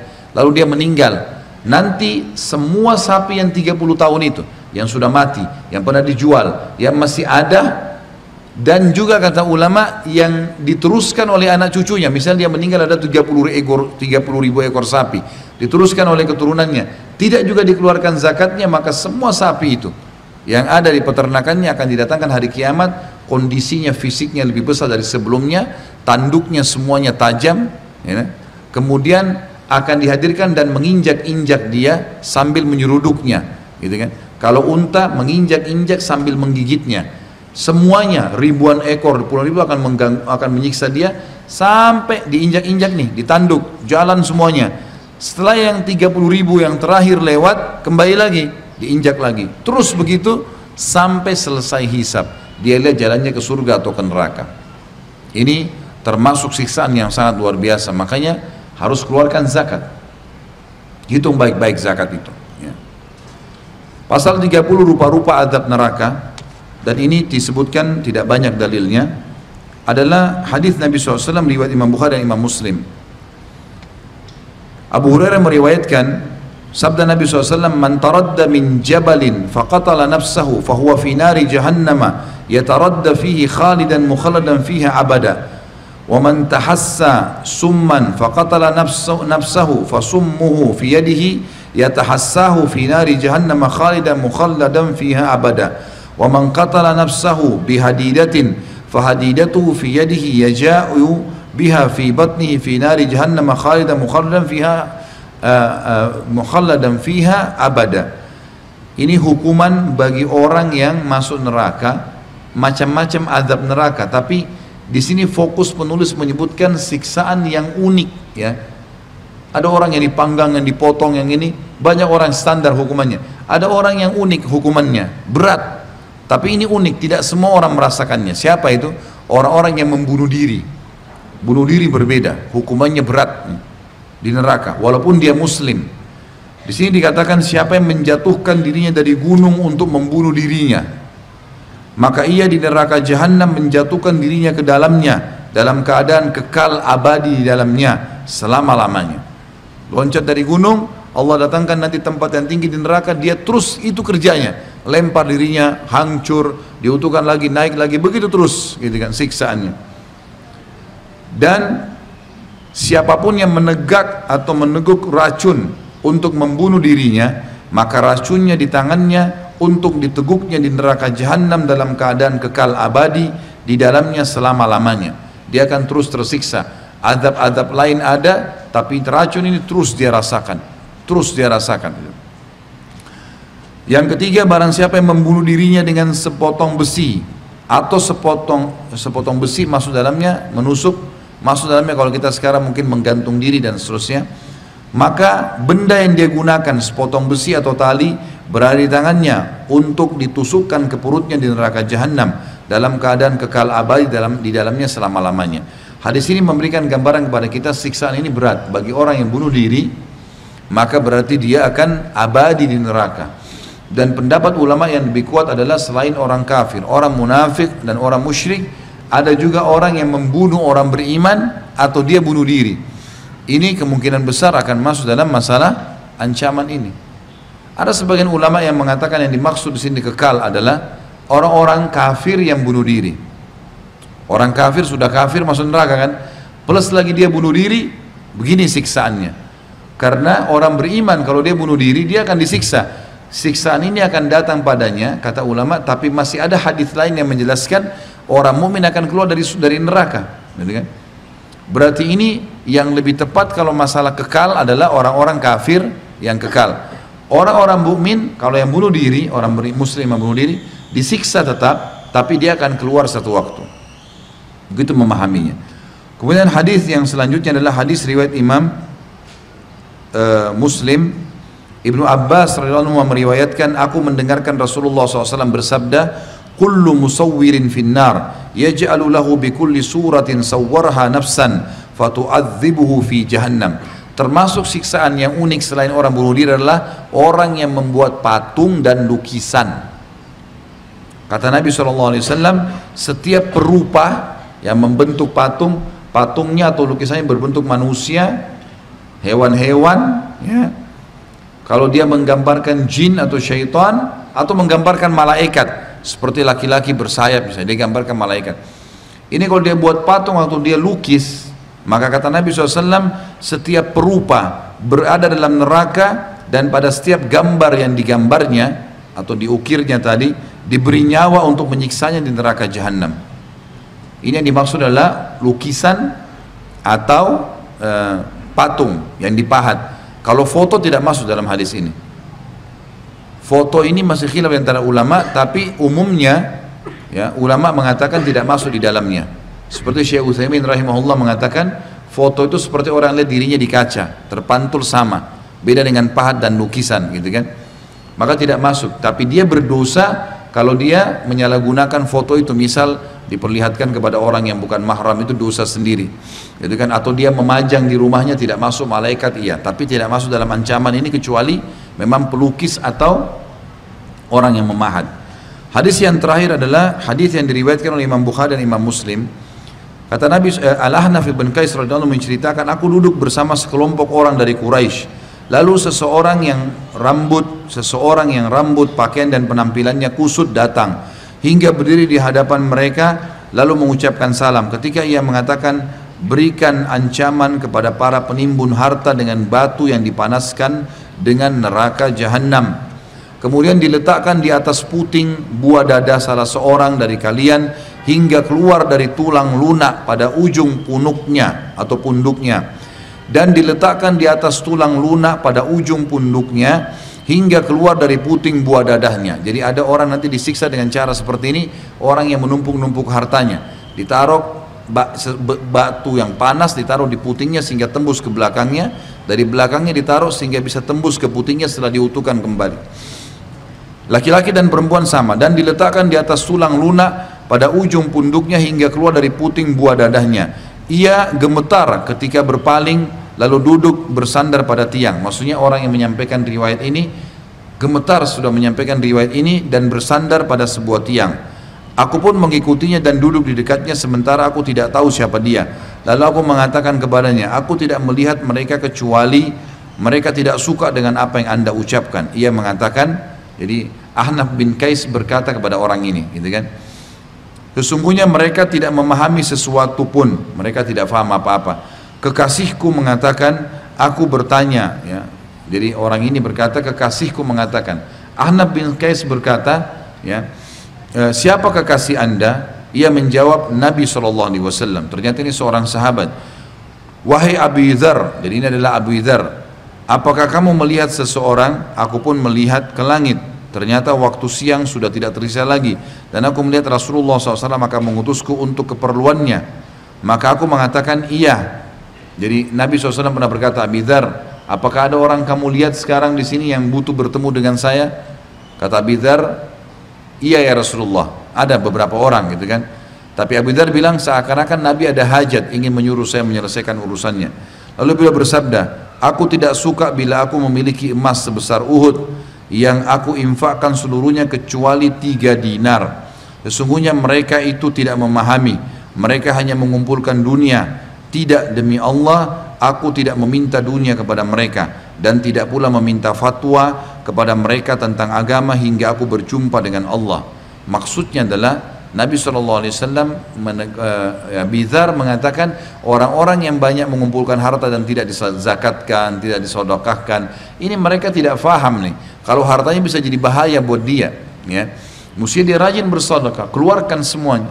Apa yang dia bisa keluarkan? Dia nabung, nabung pun untuk sebuah proyek akhirat. Bukan sesuatu yang untuk dunia berfoya-foya.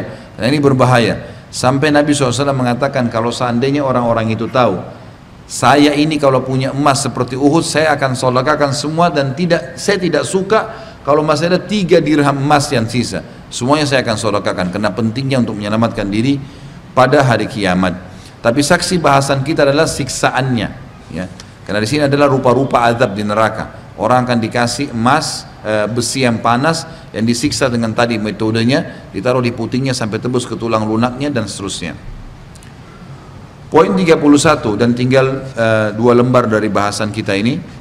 Pasalnya adalah perhitungan amal kaum mukminin. Dan ini disebutkan dalam hadis Bukhari, sebuah hadis saja. Abdullah bin Amr radhiyallahu radhiyallahu anhu menutur Abdullah, Abdullah bin Amr radhiyallahu anhu menuturkan Rasulullah SAW bersabda, sesungguhnya Allah mendekati seorang mukmin lalu meletakkan tangannya padanya dan menutupinya seraya bertanya, apakah kamu tahu dosa demikian? Apakah kamu tahu dosa demikian? Ia menjawab, iya wahai Robku. Hingga membuatnya mengakui dosa-dosanya dan merasa bahwa dirinya telah celaka. Jadi sampai di sini adalah sama dengan hadis yang tadi. Seseorang di antara kalian akan berbicara dengan Tuhannya tanpa ada penterjemah. Dari hadis ini lebih jelas lagi kalau Allah akan mendekat dengan hambanya. Kasus masalah meletakkan tangannya padanya kita imani seperti apa adanya. Ini penyampaian dari Nabi SAW dan termasuk penghormatan terhadap syariat dan penghormatan terhadap Nabi Muhammad SAW kita imani penyampaiannya. Bagaimana caranya tidak perlu kita tanya. Allah SWT akan meletakkan tangannya padanya dan menutupinya, melindunginya. Selain berkata, apakah kamu tahu dosa ini yang kamu sudah lakukan? Apakah kamu tahu dosa ini? Itu khusus untuk orang beriman ya. Allah lakukan seperti ini. Maka dia pun mengatakan iya, diakui semua dosanya dan merasa bahwa dirinya telah celaka. Kata Allah, aku telah menutupi dosa-dosamu di dunia dan aku menghapuskannya pada hari ini. Lalu ia diberi buku catatan kebaikan-kebaikannya. Adapun orang kafir dan munafik, maka mereka dipanggil di hadapan para makhluk sebagai saksi haula'il ladzina kadzabu kadzabu bi ala rabbihim ala la'natullahi ala zalimin Orang-orang inilah, jadi orang-orang munafik, orang kafir datangkan sama orang musyrik, lalu Allah menyuruh malaikat berfirman, Allah berfirman pada para malaikat suruh menyampaikan kepada semua orang di mahsyar waktu itu. Orang-orang inilah si munafik-munafik dan kafir ini adalah orang-orang yang telah berdosa terhadap Rabb mereka. Ingatlah, kutukan Allah ditimpakan pada orang-orang zalim. Terakhir Bapak Ibu sekalian adalah pasal kedua, eh, ke-32 dari bahasan masalah lanjutan neraka ini. Maaf, memang saya ingin menyelesaikannya agar e, masalah neraka sudah selesai bahasannya dan memang saya berharap, saya berharap tidak bertanya. Karena pulang bawa ilmu neraka lebih baik. Jadi kapok tobat gitu kan. Itu tujuannya. Tidak ulangi lagi dosa. Cukup yang kita dengarkan tadi ini Bapak Ibu sekalian membuat kita ketakutan untuk berbuat dosa dan rajin buat amal saleh, gitu kan. Apa pun yang mau ditanya, apakah kalau saya buat begini, apakah kalau saya belum kerjakan begini, sekarang balik ke diri Bapak Ibu sendiri. Amal soleh kerjakan, perbuatan dosa tinggalkan. Itu kesimpulannya. Apa pun pertanyaan akan begitu jawaban kesimpulan terakhir. Adalah apa yang sudah kita, belum kita kerjakan dari amal soleh kerjakan, yang kita pernah kerjakan dari dosa perbaikin. Yang belum tahu pelajari, gitu kan. Belajar dalam majelis ilmu, jadi kita jadi tahu ini semua dalil sudah cukup jadi pelajaran buat kita. Sebagai penutup Bapak Ibu sekalian perkara yang paling banyak memasukkan manusia ke dalam neraka. Hadis riwayat Tirmidzi dan beliau menilai dengan hasan sahih. Abu Hurairah anu menuturkan, "Su'ila Nabi sallallahu alaihi wasallam an aktsari ma yudkhilun nasul nasal jannah." Qala taqwallahi wa husnul khuluq. Wa su'ila an aktsar ma yudkhilun nasan nar qala al-fam wal farj. Nabi SAW ditanya tentang perkara sebanyak yang paling terbanyak menyebabkan manusia masuk surga. Belum menjawab takwa kepada Allah patuh. Kerjakan perintah tinggalkan larangan. Tidak memilah-milah. Wajib sunnah dikerjakan haram makruh ditinggalkan. Dan juga akhlak yang baik. Santun baik sama orang memaafkan ya memberi beliau juga ditanyakan tentang perkara yang paling banyak menyebabkan manusia masuk neraka beliau menjawab mulut dan kemaluan ini dua hal yang dijaga dalam hadis riwayat Muslim, kata Nabi SAW, mandami, maaf, hadis ini riwayat Imam Ahmad kalau saya tidak salah. Semoga Allah maafkan kalau salah, tapi yang jelas Nabi SAW bersabda, hadis ini sahih, ma man dhamina ma baina lihyai wa ma baina fakhidai lahul jannah. Siapa yang menjamin untukku apa yang ada di antara dua lis, dua pipinya lisannya dan apa yang berada di antara dua pahanya, aku akan menjamin baginya surga. Ini, ini menjelaskan makna hadis tadi yang kita sebutkan. Kata beliau di sini sebagai penutup, siapa yang ingin selamat dari neraka, maka ia harus memelihara lisannya dan kemaluannya dari apa yang diharamkan oleh Allah. Ucapkan yang baik, tanya kabar orang, nasihati, ya, mengambil ilmu, zikir, Al-Quran, titik, jangan tambah lebih dari itu. Tidak ada lagi gosip mulai hari ini, nggak ada gunjing, nggak ada fitnah, nggak ada omongan kosong, cerita yang dikarang-karang, nggak ada lagi semua, habis. Dan tidak ada. Mulai hari ini, ke depan mau selamat jaga lisan Kemaluan tidak ada yang sentuh kecuali yang halal pasangan. Titik. Semua habis sudah ceritanya. Kalau pernah berbuat salah, istighfar, taubat kepada Allah. Perbaiki ke depan. Ini kata kuncinya. Demikianlah kata beliau. Maha suci engkau ya Allah serta segala puji untukmu kami bersaksi bahwasanya tidak ada ilah yang berhak diibadai kecuali engkau kami mohon ampun dan bertobat kepadamu